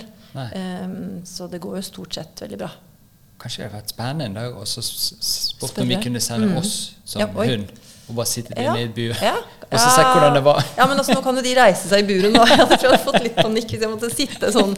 Det var skikkelig sånn uff, sånn kjøttmarked for hunder-følelse. Uff, nei. Men ja, det hadde vært interessant å spørre om vi Tatt en sånn få Olien, Bergen-Oslo, bare teste en sånn kjapp en. sånn uh, Vi må få tak i en eh, pilot. Så hvis det er noen piloter der ute som lar oss kjøre, skal vi ta med termos. Ja. Ja, nei, for det er det Mm. jeg har tenkt på med han her fyren. Mm. Det er litt sånn eh, uh, Han er der nede, og jeg vet Ja. han er litt skvetten, så ja. Nei. det, Men så er det jo litt som du sier, dette med å ikke lage noe nummer ut av det Nei, heller. sant? ikke, ikke lag noe nummer. Vær chill. Altså bare øve litt på inn og ut av bur. Eh, Noen ganger så tok jeg det reiseburet, satte det inn i bilen. Eh, inn, kjørte fem minutter rundt og rundt og rundt. Ut med deg. Å, nå må vi inn igjen. Inn, ut. Sånn til hun bare ah, nå inn og ut, inn og ut. Så det var ikke noe PC for henne å komme inn og ut. Nei. Så det, det, det, det går jo på å trygge. Ja. Og hun er jo litt skvetten, hun også, for hun er jo en gatehund. Jeg har jo funnet henne på gaten. Ja. Hun har jo ikke oh, ja, kjøpt rundt, og ja. Hun har ikke kjøpt og betalt i en butikk. Eh, hun ble funnet altså Det er noen jeg kjenner som Det er veldig mye løse hunder i Spania. Masse overalt. Og så var det en eh, venninne av meg som hadde da observert Eller de hadde fått en telefon at det var blitt observert en hund med fire valper oppe i skogen, eh, oppe i fjellene. da Ja. så de satte seg i bilen og dro for å lete. Eh, og fikk øye på dem, men fikk ikke tak i dem, så de dro neste dag igjen. Og de var liksom skikkelig mission. Da. Så klarte de da å finne ut hvor de bodde. Og de bodde inne i et lite skogsholt i en sånn liten hule eh, langt inne der. Så de klarte å få rappet med seg tre valper. da. ja. Så det var jo litt dramatisk, antageligvis, fordi hun var veldig redd for menn da vi fikk henne. Og Ja. det var jo litt sånn ubehagelig eh, at hun bare så fort det var en mannsstemme, så pilte hun og hylte og ble så redd. Ja. Så det var mye jobb med, med det. Vi måtte liksom trygge henne, måtte få folk, menn på besøk som måtte sitte der og bare se på. ikke sant? Ja. Men, eh, men det har gått veldig bra. Gått veldig bra. Så bra. Mm. Han var en veldig fin hund. Ja. Det glemte jeg å si med den der, etter vi begynte med Balto, med den der eh, CBD nå. Så vi bor jo på Grünerløkka, så det er masse eh, fulle menn rundt i parken. Mm, Og det syns han er litt stress, spesielt når de bare kommer bort og Ja, «Åh, er- bikkja», ja, og sånn, ja. Mm. sånn, sant? De er jo glade for hund og alt, men det syns han er litt stress. Og nå har det egentlig bare gått mye bedre. ja. Så nå hadde jeg har det lagt noen sånne fulle menn på ryggen og Ja. han opp, og alt er bare kos. Jeg ser jo det at det er en liten sånn her brodd som har blitt tatt litt av. Og så får vi bare se hvordan det går Mm. Videre. Men det er veldig kjekt. Hva som er gøy, er at eh, alle eh, virveldyr Ja. eh, har jo også dette systemet. Dette Ja. endokannabinoidsystemet. Så derfor responderer hunder også på lik linje som oss mennesker. ja. Mm. Har vi sett noe tilbake i tid med eh, antall dyr som har drevet og spist av eh, cannabisplanter? Altså jeg har jo eh, em, Dyr spiser jo cannabisplanter på eget initiativ. Ja. Så det har de nok alltid gjort. Ja. Eh, For eh, en tid tilbake, da vi hadde kaniner, Ja. så hadde jeg en eh, plante hjemme. Skal ikke legge skjul på det. Jeg har grodd min egen cannabisplante. Jeg så et sånt fint bilde som du hadde der. Ja. sånn stor, ja, den er ikke min. Det er en kompis. Det var nede i Spania, da. Den Ja, var ok. litt større enn det. Altså, du skal ikke, den skal ikke bli så stor at naboen uh, blir brydd. Nei. Det er det de sier. Men nå bodde han ute på landet, så det var ikke noe stress.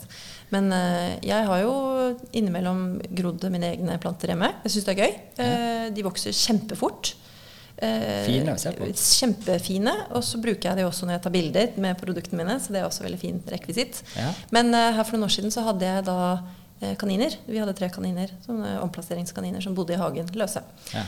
Og da Samme kjønn? eh, Eller ble de mange det, Nei, den var én han. Han ble kastrert ganske kjapt. Så de to Ja, okay. andre, de, de vet jeg ikke hva Det ble aldri Bare lukka øynene og åpna igjen, så er det jo helt 20. Men da, men da hadde vi drevet luket i hagen og styrt og sånn, og da tok jeg altså klippet en del av disse plantene, eh, bladene, kastet ned, og kaninene de åt. Å, Ja. herlighet. Kjempegodt.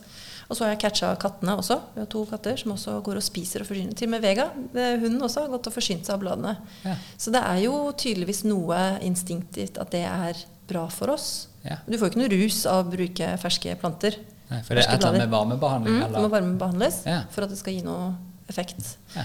Så det er ikke noe farlig å få i seg eh, i ferske blader. Du får ikke noe rus av det. Nei. Men det er jo helt tydelig at eh, dyrene liker det, da. Det er noe i det. Mhm. Jeg, jeg spilte inn en podkast før du kom òg, og da snakket vi om For det er veldig vittig å oppe i Rondane. Ja. Eh, og da eh, måtte Balto spise sånn tørrfôr. Han pleier å spise hundemat, altså kjøtt og fett og koselig, men sånn eh, begynte han å få sånn tørrfòr siden vi ikke hadde eh, frysemuligheter. Og da ble han så grådig rar i magen. Oh, ja.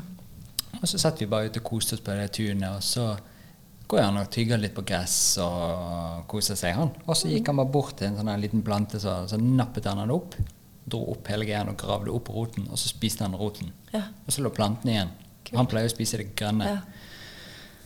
Og så tenkte jeg det var jo vittig, og så bare googlet jeg det, gikk inn på en sånn urteside, og det er en sånn plante som jeg husker ikke hva den het nå, men eh, så en eh, norsk urteplante der roten blir brukt for å eh, hjelpe fordøyelse og stimulere mage. sikkert. Og jeg tenkte sånn, er han mye lurere enn jeg tror han er? Kan være han ja, er de vet. Ja. De vet. Men det er jo vittig, for han er jo mye ute og graver i ting, men jeg har aldri sett han ta opp noe så bestemt, og det er den han skulle ha. Ja, De vet. Ja. Mm. Det er kult. Nydelig. Når du bodde i Norge eh, og vannet plenen, hva skjedde da? Du skal ta den historien. det var litt gøy. Eh, nei, altså da jeg var liten, så uh, eh, Jeg husker ikke hvor gammel jeg var, men vi, jeg vokste opp på Kolbotn. Eh, I et rekkehus der. Og der, eh, det tunet som vi vokste opp på, der, det var ganske nytt. Så alle som kjøpte det rekkehuset der, de fikk beskjed om at de måtte så gressplen. Og mamma, hun, den, da jobbet hun på et tobakk eh, Nederlandsk tobakk, jeg husker ikke helt hva det heter, I Norge. i Norge. Ja. Og så hadde de mye avfall, restavfall, fra det tobakken som da de egentlig skulle kaste. Og så sa jo mammaen at ja, vi har akkurat flyttet, nå skal vi lage gressplen. Eh, åh, stress, ikke sant. Ja. Og de sa ja, men du kan jo bruke restavfallet eh, som vi uansett skal brenne og kaste. For den tobakken er jo kjempebra som gjødsel. Å, er det det? Ja, ja, men det, ja, kan jeg få det? Ja, ja. Ja, vi, kommer, vi kan komme med det. Og så kom da en lastebil full av tobakk til dette lille tunet på Kolbotn. Ja. Og naboene syntes vi var rare fra før. For vi var veldig rare. Altså, pappa var jo engelsk, ikke sant. Bare det er jo kjemperart. Være engelsk i Norge på et lite tun på Kolbotn. Og så um, hadde pappa også en isbil. ja. Eh, den, noen ganger så kjørte han den hjem. Så han solgte is? Ja. Laget han is sjøl? Nei, han solgte is. Ja. Så han, hadde, han dro til England og kjøpte en hvit eh, van. Med sånn musikk? Nei, ja, nei, det fikk han installert, da. Okay, ja. Og så kom han til Norge, og mamma vet du, så stressa. Men herregud, vi trenger en ny oppvaskmaskin. Hvor, eller vaskemaskin. et eller annet. Hva har du gjort? Har du kjøpt en bil? En van? Hva skal du med? «Eh, jeg skal selge is. Det var is! Hva verden, vi bor i Norge. Ja. Ja. Og så fikk han tillatelse på det kan at du, Nei, du har jo sikkert bodd i Bergen, men alle som har bodd i Oslo-området, Ja. husker kanskje at på 80-tallet så sto det en isbil på Aker Brygge, der hvor det fisketorget er nå. Ja, ja. Eh, Der var de båtene går. Der sto en isbil. Det var pappa sin. Så han, eh, han var veldig flink til å male og tegne. Så han skrev, altså malte iskrem med sånn bobleskrift. Ja. Med bare håndmalt, liksom. Én kule, ti kroner. Wow. Og så eh, fikk han tillatelse, utrolig nok, til å stå der. Så han søkte på Oslo havnelager, eller hva det heter. Og, da, det, så, og da tenkte Oslo var sånn Hei, dette er litt kult. Isbil har vi ikke midt i byen. Nei. Det var helt nytt. Eller isbar, eller hva eh, Så de sa ja. Så han fikk eh, den beste plasseringen på Aker Brygge. Der solgte han is. Én kule er ti kroner. Så, Altså, okay. så, så den ble jo kjempe, kjempepopulær, og det var jo mange, den sto der i mange år. Ja. Men noen ganger så tok han isbilen med seg hjem da, på tunet liksom Ja. på sommeren og skulle invitere hele nabolaget. Ikke sant? Så da kommer han ding, ding, ding, sånn iskremlyd, og kjørte opp og ned det tunet. da. Så de syntes jo vi var jo kjemperare. ikke sant? Og så kommer den der lastebilen med all den tobakken. Og da lager vi Nei, nå skal du telle hva det er familien lager gressplen. Ja. Og så, mm, og så, som mamma sa, da, hver gang det regnet, så lukta det tobakk på hele Kolbotn Ja. av våre gressplen. Helsike. Og naboen elsket det. Og naboen må sikkert også si Ja, jeg vet ikke. Jeg bryr meg ikke hva de sier. Men uh, vi var litt uh, annerledes, Ja, kan du si. så fint. Mm, det var veldig gøy. Men uh, han uh, Far min han gjorde andre sprell òg, da. Ja, det. Stakkars mamma. Hva da?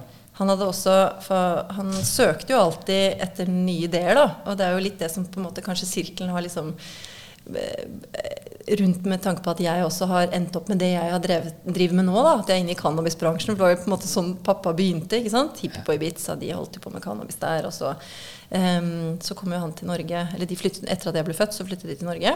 Ja. Og så eh, Pappa kunne jo ikke norsk. Hva skal du gjøre da? Engelskmann i, på 80-tallet, liksom. Det er jo ingen eh, Det var jo ikke så mange da. Nei.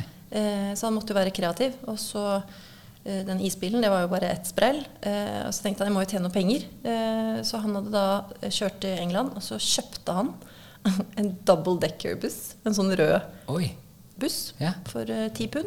eh, Rundt 100 kroner. Oi, Så kjørte han en hjem. Ja. Fikk den plassert på Grønland, og mamma holdt på å få hjerteinfarkt. Å, herregud. Å, hva har du gjort nå, da? Da var jeg bare vent. Bare vent. Trust me on this. Og så eh, fikk han da eh, omsider solgt denne bussen. Ja. Han fikk 30 000 kroner for den. Oi, Eh, og en dame som kjøpte den. Og Men han fiffet han opp, eller? Nei, han gjorde ingenting. Nei.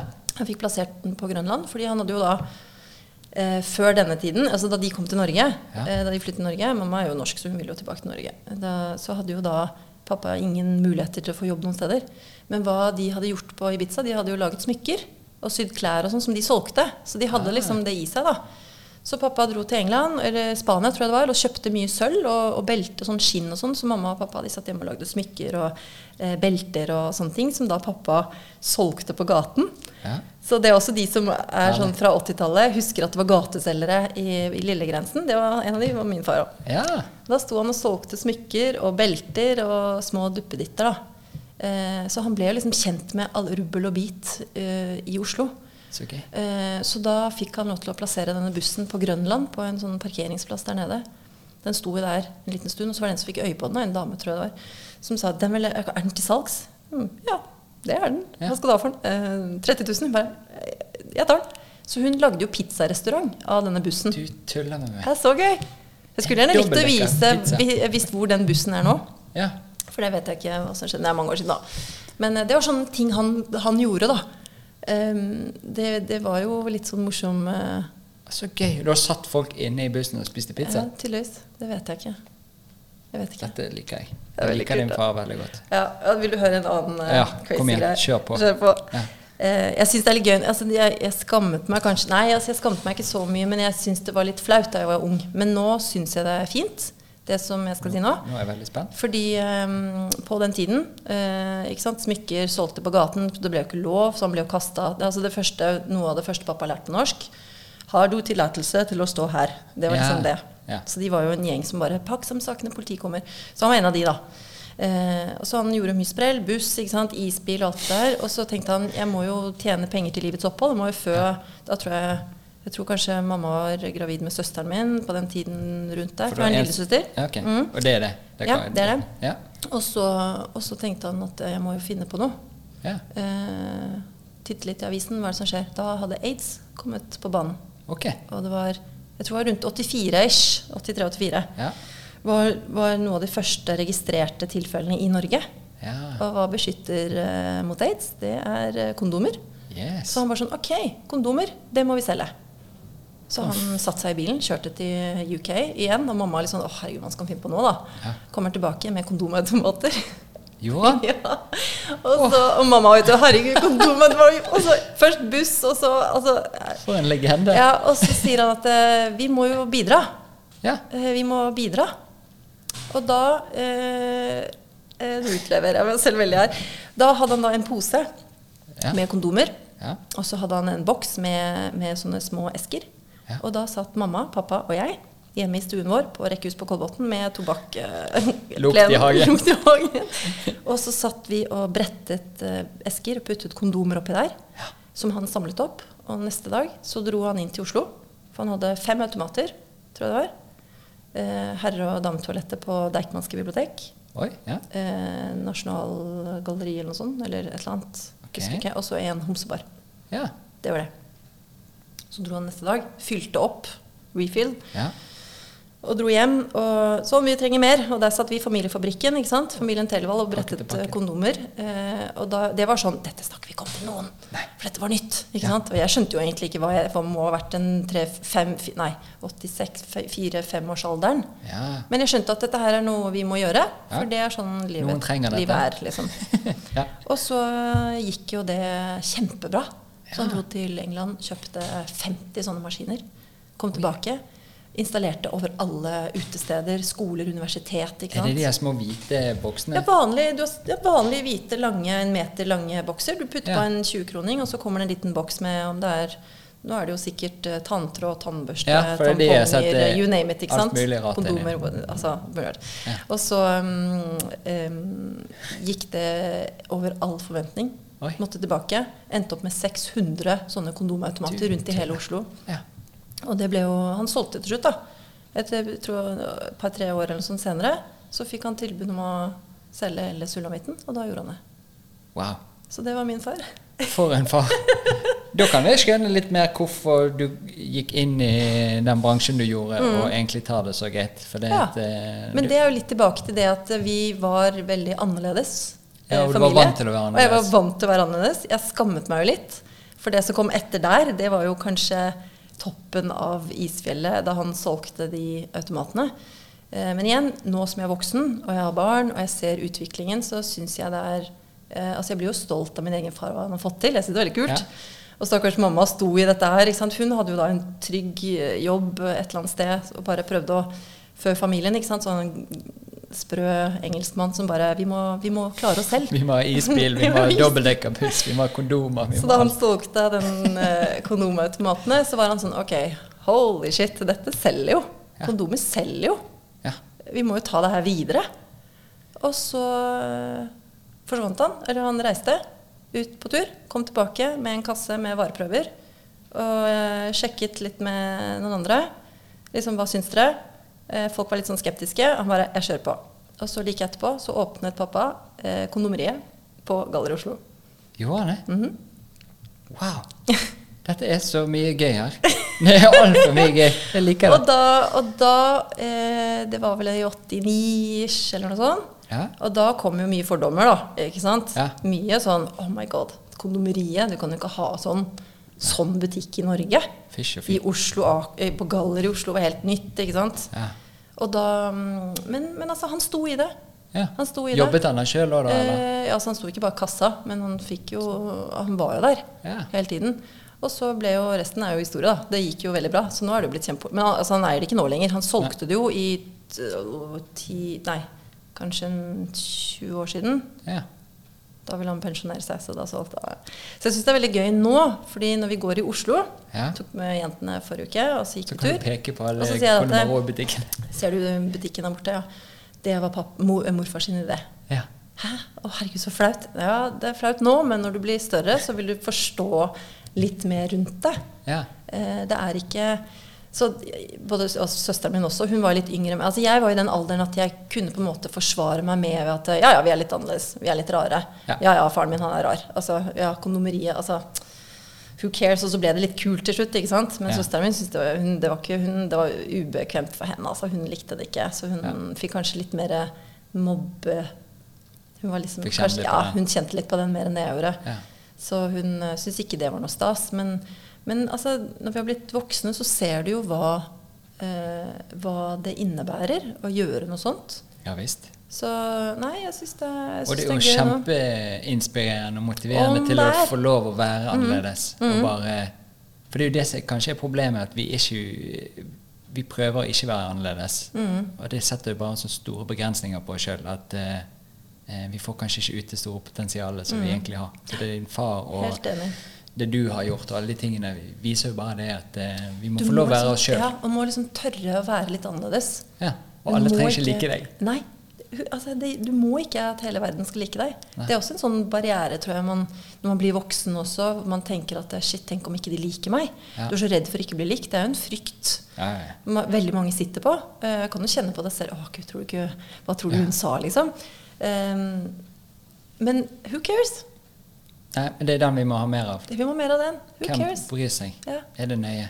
Så det, det, det er bare kult å være annerledes. Det gjør ingenting. Og, så, og det, det har jo jeg vokst opp med at uh, uansett motgang, uh, altså kultur, uh, hvor du kommer fra, språk Altså du trenger jo bare å være litt kreativ og liksom satse, gutse litt. Ja. Så var det jeg gjorde da jeg bare fant ut at jeg, jeg legger ned den helsekosten. Jeg er drittlei. Jeg må ha noe nytt. Jeg trenger noe mer. Ja. Jeg må gjøre noe helt annet. Cannabis, oh, kult, det gjør vi.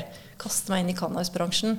Søker alt som har med cannabis å gjøre. Ja. Har liksom snakket med masse masse folk, og jeg har lært så mye å møte på egentlig helt vanlige mennesker, men som da har historier å fortelle. da. ja.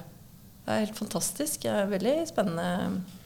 Ah, så gøy. Mm. Og da har du kanskje lært eh, Nå skal ikke vi gi din far eh, kreditt for alt, men eh, du har sikkert lært mye av eh, dette å få opp en business og drive en business og eh, fått mye erfaring på de tingene der. Mm.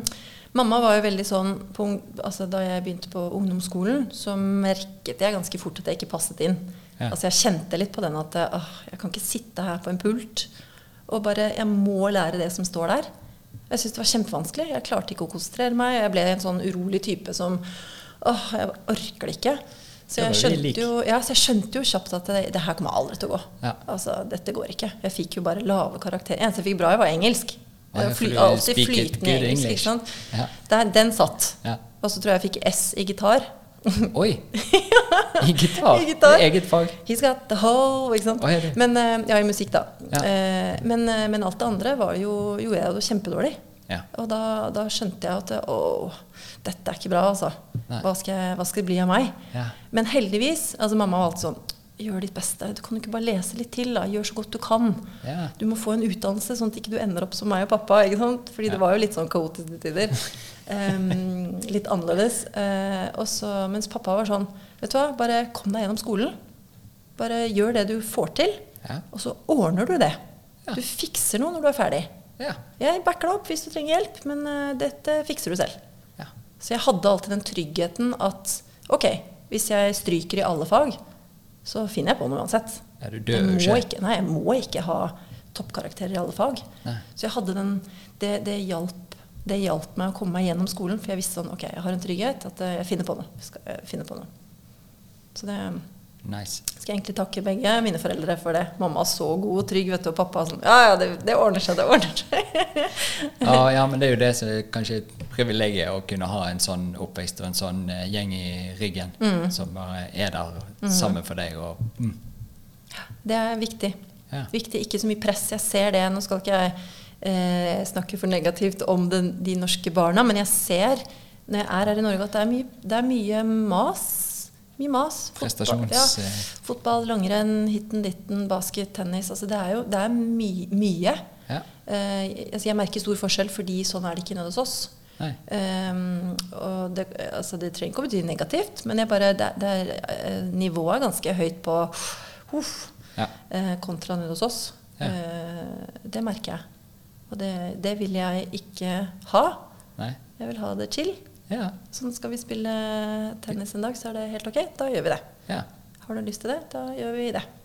Ja, for det trenger jo ikke å være eh, Livet må jo ikke gå fort og inneholde helt sinnssykt mange forskjellige ting. Men det kan jo inneholde litt færre ting og kanskje eh, få være mer i de tingene man driver med, istedenfor så veldig mange Det var det jeg merka også i byen, at det er så mange muligheter og ting du har lyst til, at du toucher litt sånn 10% her, 10% der, 10 der. Og så er du egentlig ikke helt i det. Istedenfor bare Å ja, men i dag gjør vi dette. Eller dette liker jeg å bruke tiden på. Mm. Så skal vi bare gå en tur. Ja. Altså, det, Skal vi bare hente noen egg? Ja, ja. ut? Hente noen egg. Ja. Og det er jeg så glad for nå som jeg har fått meg hund. At Ja. hun har jo fått meg til å se på eh, altså bare naturen på en helt annen måte. Ja. For hun stopper opp. Hun skal snuse, hun skal tisse, hilse på den andre hunden. Og da står jeg jo der. I starten var jeg litt sånn Skal jeg ta, begynne å ta med telefonen, eller bare for å sitte og scrolle litt mens hun surrer rundt? Nei, det skal jeg ikke. Legger det fra meg. Noen ganger så har jeg podkast. Det har jeg. Hvis Ja. vi skal gå litt lang tur, jeg vet at hun forsvinner litt opp i skogen, fordi nede der vi bor, så kan jeg slippe henne løs. Ja. Um, men ofte så bare legger jeg frem alt, og så går jeg tur med henne. Ja. Og så går vi rundt, og hun ser, noen ganger så catcher jeg henne at hun står og ser ut på utsikten ned mot havet. Hun bare står der og ser. Ja. Så blir jeg sånn, hva ser du etter? Å nei, du ser ikke etter noen ting, du bare ser. ja. Og da blir jeg sånn, ja, nå skal vi stå her og se. Oh, så Og så bare står vi der. Og da må du ta Megatron-podkasten på pause og bare Ja, se. da må jeg ta det på pause. For det er jo favorittpodkasten din, Ja? Ja. Og da må du bare være. Ja. Og det glemmer vi mer og mer av. Det, Vi går jo på kurs for å bare være Tenk jeg det? Det At vi må gå på kurs Ja. For å lære Det er jo fint at folk gjør det, men det er jo Mm. eh, at vi må på kurs, det er det som er litt rart. Mm. Vi må være på kurs for å klare å sitte på en kafé og snakke med noen. Ja. Istedenfor å sitte med noen med ett øre og så litt på mobilen. Ja. Og, Ja. Nei, det, det har sklidd ut, altså. Det har det. Men jeg, for du sa Jeg har hørt på podkasten din. Du sa at Ja, du har det? Ja. Nydelig, takk. For jeg ser på Spania, du- på den oversikten, så ser det noen i Spania Kan som driver se det? Ja. Ja. det er kult. Ikke Eh, akkurat det er hvilket sikkert- hus. Nei, du kan ikke huske det. Men, eh, men eh, du sa det at eh, vi som har vokst opp uten internett Ja. Vi er vel, vel like gamle ish, er vi ikke det? Jeg, du må jeg si er først. 40-80. jeg. Jeg er 78. Mm. Så vi vokste jo opp uten internett. Ja. Eh, vi var ute og lekte. Vi bare var. Ja. Og det er jeg så glad for, fordi da, da, da vet jeg hvordan det egentlig skal være. Ja. Altså, I vesken min her nå så har jeg med meg en hoppestrikk. Så ny, Hva bruker du den til? Eh, Nei, jeg har ikke brukt den ennå. Men jeg skal, jeg skal eh, sammen med barna vi skal eh, besøke familie etterpå. Ja, Og da har jeg den med meg, fordi i dag skal vi hoppe hoppestrikk. uansett. Uansett. Ja. For det gjorde jeg. Jeg hoppet hoppestrikk i stuen. Ja, kjempegøy. Vi gjorde det i hvert friminutt. Så sier jeg til hun minste, hun er nå 10, eh, 11, så sier jeg eh, vi må hoppe hoppestrikk. Hæ? Hva er det for noe? Ja. Nei, du hopper på, hopper strikk. Hoppe på strikk? Ja. Nei, det gidder jeg ikke. Nei. Og så sier jeg, men du vet ikke hva det dreier seg om. Så jeg skjønner jo at ikke de, de barna som vokser opp nå, de forstår ikke verdien av det å bare slå dødball, f.eks. Husker sikkert det i gymtimen når vi skulle slå, så ble du stående på de der sirklene. Du hadde ofte Ja. sånne rockeringer som vi satte på bakken, og så måtte alle stå inni der. I basen der du skulle til Ja. alt. Ja. Og så var det en som slo, og da sto alle bare og ventet. ja. Nei, Det var helt vanlig. Du kunne stå og vente lenge, du. Og da skulle alle slå før det var din tur. Det var ikke noe problem. Du bare sto der. Og det var jo når du var liten og ventet på showmier og at de skulle komme. Ja. Og så visste du ikke akkurat når de skulle komme, så sto du bare og ventet på dem Mm. på et eller annet hjørne. Du sto ikke og fiklet med noe eh, Du bare sto der. Sto og ventet. Det er helt Så okay. på ting som gikk forbi. Og Så, så på taket og liksom Altså. Jeg bare lurer på eh, Jeg skal spørre min mor og de, men hvordan var det generasjonen før? Ble de oppgitt av ting vi holdt på med? Eller er det bare noe sånn akselerasjon i en annen atferd som har skjedd den siste, de siste er generasjonene? Jeg tror egentlig da smarttelefonene kom, Ja, da skjedde det noe. da ble vi litt dum. Når sånn iPad og sånn kom, Ja. da tror jeg det skjedde noe fort. Ja. Det tror jeg. Det tror jeg. For det er litt vittig å se Vi har utsikt ut og kan se på trikken kjøre forbi. Og det er vel, og jeg gjør det av og til sjøl, for da har jeg kanskje tid Veldig sjelden etter trikk, men når jeg tar trikk, så har du kanskje tid til å lese et eller annet eller svare på en mail. Eller. Men det er nesten 100% som sitter og ser ned i en mobil. Ja, det er krise. Ja. Men vet du hva jeg la merke til det mest for noen år siden? Altså Jeg er ikke noe godt eksempel, for jeg har jo skjerm med meg overalt. og Jeg jobber jo foran skjermen hver dag. Og altså eh, Så ja, jeg har masse Men det er, jeg har begynt. Jeg legger vekk når jeg går tur. Ja. Eh, men jeg husker for noen år siden, da jeg kom til Norge For vi er jo alltid her på sommerferie. Ja. eh, Ofte juleferie, påskeferie. Altså vi er jo her ganske ofte. Og da la jeg alltid merke til at da vi tok buss og trikk For jeg hadde jo ofte sånn spansk eh, mobilabonnement som var sånn kjempedårlig. ikke sant? Funket ofte ikke i Norge engang. Ja. Eh, det er noen år siden nå, da.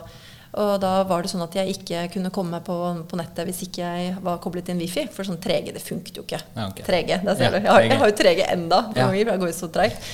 Um, og da ble det til at jeg satt på bussen, så hadde jeg jo ikke noe nettilgang. Da hadde jeg ingenting. Så da ble jeg sittende og titte, sånn som man gjorde før i tiden. Og 99,9% sitter med skjermen foran fjeset. Ja. Ingen ser ut av vinduet lenger. Det er helt krise. ja, det er litt eh, spennende. For det ene er jo hvis vi blir lura av det, men det virker ikke sånn heller. Nei. Noen mener at eh, nå har vi alt samlet på ett sted. At ting går mye raskere. Jeg ser jo det. Skal du logge inn på nettbanken, så er det jo alt ligger jo der. Men må det gå sånn så Face- jævlig fort ja, hele må det gå egentlig så fort? Ja. Det er jo digg at ting bare går av seg selv. Regninga er jo greit å bli Ja, ferdig skal du bestille en togbillett Så er det bare ett klikk, ikke sant? Klink, klink, klink, og så er det gjort, og så kan du dra. Men, men eh, det gjør jo til at du venner deg til at ting skal skje fort hele Ja, og så det der med innsamling av informasjon. Mm. Masse informasjon veldig tilgjengelig. Men husk av og til før når du virkelig ville finne ut om noe, så måtte du begynne å finne bøker som hadde det. Nei, du måtte, på biblioteket Ja. og finne leksikon der. Ja. Og bla. Det og så gjorde kunne vi. Mm. du finne mer spesifikt, og så måtte du rote, og så måtte du spørre, og så brukte du kanskje lang tid på det. Men det var jo en helt sånn deilig prosess, Mm, egentlig. Og det var så deilig når du hadde funnet svar Oh. hvis du skulle ha særoppgave på skolen. Ja. Hvis det heter den, da. Og da måtte vi på biblioteket og lete i hylla. Det var jo en annen oppgave. bare det å, De sa ja, der nede i hjørnet der på under T. Ja. Så måtte du la hver bok titte, titte, titte til du fant den boken om hva du enn skulle ha. da. Og så den derre prosessen med å finne informasjon, skrive ned ny bok. ikke sant? Satt på biblioteket. Du kunne ikke låne med deg bøkene, enkle bøker du ikke fikk låne med hjem, så du måtte sitte der. Altså, og da du var ferdig, den mestringsfølelsen, Ja. den var jo helt fantastisk. Kjempebelønning. Det var så gøy. Hva, Ja. hva slags mestringsfølelse er det nå, av? Du får gratis poeng eh, for å kjøre sparkesykkel. ja. Og så var du veldig kjapp med å kunne svare på et spørsmål, for du googlet det, Ja, og så har du glemt det senere. ja, ja. Sitter igjen med ingenting. Nei. nei. Det er trist. Kanskje det er fordi vi blir begravet, jeg vet ikke, men vi, det må jo være noe i det som går litt kanskje Jeg tror vi er i den alderen nå hvor vi er litt sånn down memory lane. At vi Ja. er sånn, Husker du det gamle dager? ja. Husker du Husker du når vi hadde og- tobakk på plenen? Ja, ja. den tiden? Husker du det? Fantastisk. Men du hadde sexy musikk. Gjør du noe musikk nei, nei, nei, nei. nei det, jeg tror det var bare ren flaks. Ja, Fordi da jeg satt Du eh, er ikke god på å spille eh, noe? Nei, altså, jeg skal ikke skryte på meg noe, noe, men da jeg var liten, så var jeg musikalsk, visstnok. Ja. Uh, men jeg syntes det var teit. Ah. jeg fikk, min bestefar han, han ga meg et piano, faktisk. Ja. Jeg fikk et piano. Og så mamma bestilte pianolærer. Men han hadde hår i ørene. Ikke- ja, det, var, det bare ødela alt. Så jeg klarte bare å se de hårene som stakk ut av øret. Han, Ja, som, han, fra, han var fra Bulgaria og hadde mye hår og masse krøller. Så det bare det drepte hele gleden. Ja. Men uh, ofte satt jeg og klunket for meg selv, og da fikk jeg det til. Uten å egentlig lese noter. Men og samme gitar også. Da vi hadde gitar på skolen, så, så bare det, Jeg tror kanskje det var en sånn escape, fordi Oi, nå kan jeg bruke høyre hjernehalvdel. Ja. Jeg kan være kreativ. Ja. Eh, der var jeg god. Det syns jeg var gøy. Så det, det har liksom alltid tiltrukket meg med ting som man må være kreativ. Der, der funker jeg. Ja. Men så fort det begynner å bli sånn eh, tall eller noe sånn litt vanskelig, da bare Nei, jeg, jeg går og setter meg her, og så ordner du det, og så sier du fra når du har svaret. Ja. For jeg får helt Ja. Jeg får helt Uff. Jeg friker ut, altså, når det er sånn smarte ting. ja. Jo, og så er det jo definisjon hva er smart. Ja, hva er smart? Kunne regne masse stykker er jo fint, men det betyr ikke at det er smart. Men du har en, en ferdighet på noe, kan Mm. noe. Jeg tror du er veldig smart. Jeg. Det må være kre ja, takk. det må funke på en kreativ måte for at jeg skal funke. Ja. Og det har jeg jo helt tydelig fra min far. Ja. For søsteren min er ikke sånn. Hun var sånn Jeg skjønner ikke hvor du får det fra. Kan du spørre hva hun gjør? Er det lov å si det? Eh, hva gjør hun nå? Hun jobber i et selskap eh, Jeg vet ikke helt hva hun gjør. jeg. Nei. Nei, hun jobber i et Kjempetett forhold. her i Oslo. Ja, ikke sant? Nei, men hun byttet jobb. Eh, det er ikke så lenge siden hun byttet jobb, og så har det vært korona, så har jeg ikke egentlig, egentlig helt skjønt hva hun driver med der. Men er, hun er noen sånne assistentgreier, et eller annet sånt på et sånt stort, fint bygg nedi der. Ja. Hun gjør noe greier der. Men hun er jo litt sånn eh, eh, Ja, skal Eller vi er veldig forskjellige. Ja. Veldig forskjellige, eh, men vi har god kontakt. Møttes senest i går. Men, eh, men hun sier jo det at eh, Hvor får du alt dette her fra?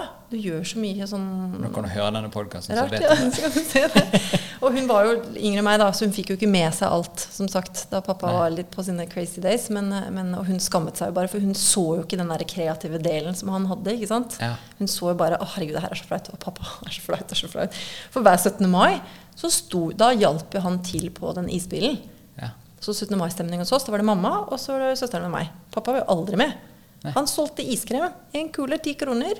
To kuler 20 kroner. Wow. Mm. Jeg liker dette så godt. Det er så mange gøye ting her. Ja, ja. Herlighet. Mye å plukke. Mye å plukke, altså. Der. Men eh, tilbake til det der firmaet ditt. Mm. Eh, er det gøy? Kjempegøy. Ja. Ja, Hva er det gøy? Kontakten med kundene, eller bare drive din egen ting? Eh, det startet kanskje med at jeg syntes det var gøy med noe nytt. Ja? Å, det var gøy. Å, det var bare sånn helt annet. Og etter Eh, tre år så er det jo fortsatt gøy. Ja, jeg syns det er kjempegøy. Nå er det gøy på en helt annen plan, fordi nå ser jeg at ting funker, og så får jeg mye tilbakemeldinger. Ja. Eh, mye gode tilbakemeldinger, og det syns jeg er så gøy. Jeg prøver å følge opp så mange som mulig.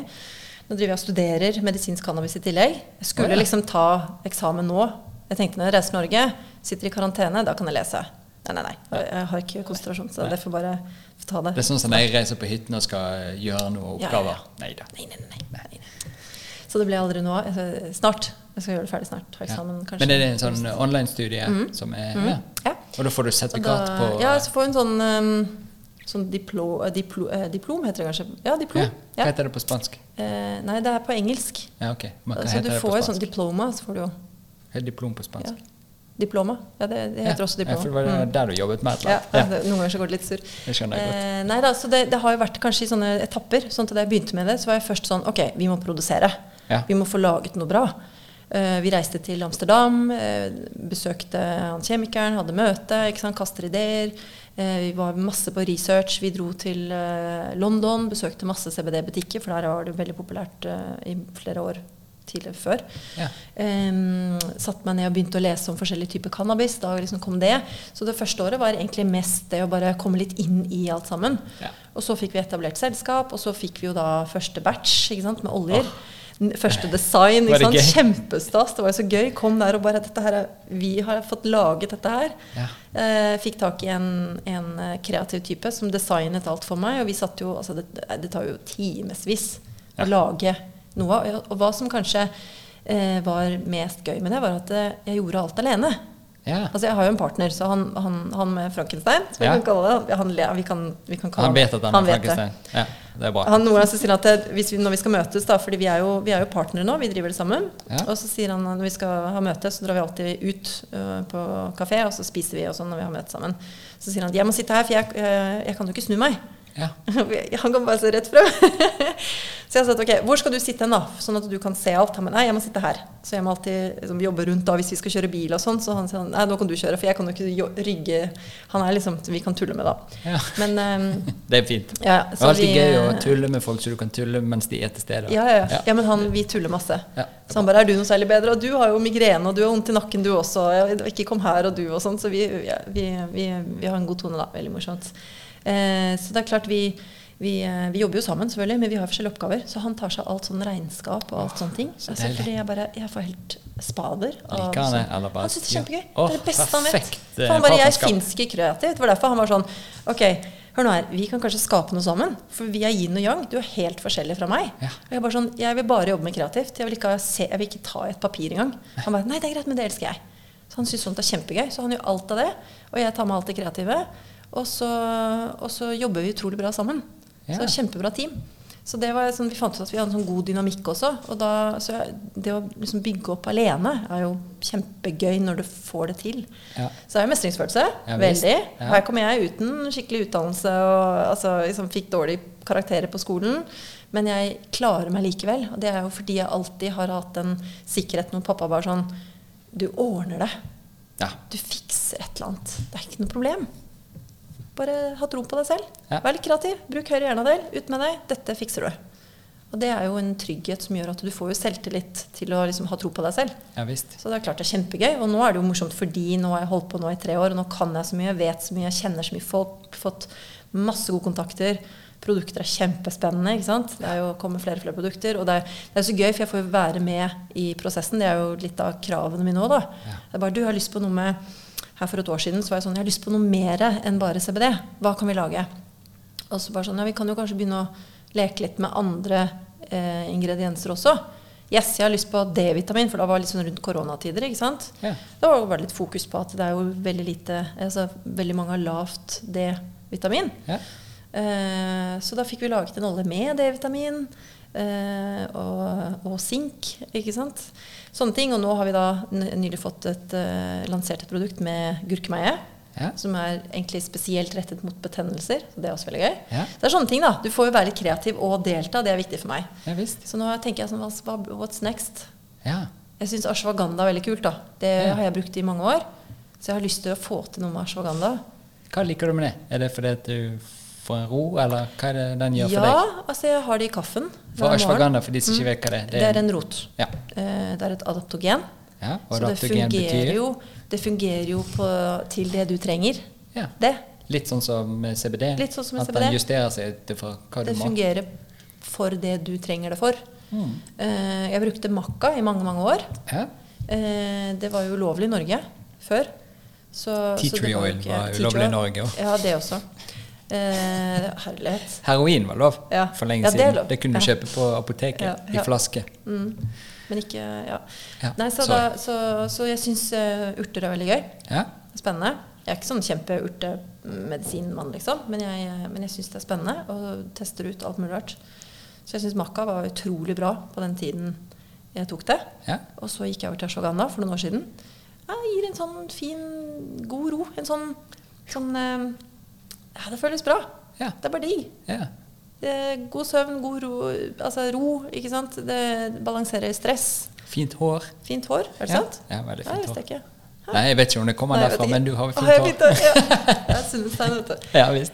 Ashwagandha. Nei, så det, det mm, Jeg syns det er kult. Ja. Så jeg har litt lyst til å finne på noe med ashwagandha. Ja. Vi får se hva han sier, kjemikeren min. ja. Åh, så spennende. Du, Mm. Jeg mm. vet jo det at dette er jo det vanlige problemet, vi kan sitte i timevis. Mm. Men du kommer jo tilbake til Norge på et eller annet tidspunkt. Og da kan vi ta en recap på hva er det som foregår, hvis du har lyst til det. Ja. Og tilfeldigvis, hvis du inviterer meg til Spania, så kan oh, det være at jeg kommer ned der. Da må du ta med Balto. Ja, det hadde vært kjekt. det må du. Ja. På fly. Kan, kan være vi kjører ned. Jeg vet ikke. Det er lenge, altså. Ja, det er det. Hvor lang tid tar det? Eh, hva er det? 24 timer eller noe? Ok. Eller Ja, hvis du kjører- 24-30 timer eller noe sånt. Ja, jeg har en, har en venninne. De satte seg i bilen eh, søndag for en, litt over en uke siden og kjørte. Non stop. Uff. Altså, Med hele familien? Hele familien. kids tre kids og eh, inn i bilen. De, bare, de, ork, de vil bare ferdig med det. Viktig ting. Du har badebasseng. Bader du hver dag? Eh, nesten. Saltvannsbasseng, faktisk. Ja, er det det? Mm. Oi, Jeg oi, ville ikke ha klor. Jeg er Nei. opptatt av det. Inhalere klor, det var ikke jeg noe hypp på. Nei. Så vi har saltvann. Så da bare henter han fra sjøen og zzz, Mm. Nesten. opp og Nei da, det er jo filter. Det har okay. med filter, så det vi, vi, innimellom så må vi kjøpe flere sekker med salt, og så må vi bare helle, helle salt oppi vannet. Ja. Ja. Og da så har vi en flink eh, bassengmann som kommer og sjekker pH hver uke og, og renser og sånn. sånn ja. ja. Mm. Så jeg bader nesten Om sommeren gjør jeg det. Jeg elsker å bade. Jeg elsker Mm. badekar. Og så alle som sier sånn ja, hvis du skal bade, du bruker det bare i begynnelsen. Så bare nei. Nei. Bruker det hele tiden, også tror jeg. badekar. Ja. Nydelig. Ja, basseng også. Det beste som fins, det er når det er fullmåne, Oi. og så helt stille, Ja. og bade i bassenget. Oh. Det er kult. I lyset. I lyset. Ja. Det er kult. Det liker jeg. Det er favoritten. Mm. Fantastisk eh, måte å avslutte på. Eh, hvis folk vil ha mer info, så kan det ligge link til siden din, for der forklarer du alt mulig ting, og de kan se på produkter og fordeler og, og alt mulig. Er det noe annet vi må gjøre før vi gir oss? Nei. Tusen, tusen, tusen takk for at du tok deg tid til å være her. Takk for at du fikk komme. Så hyggelig. Alltid velkommen. Nå spiller jeg denne her. Ha det. Ha det.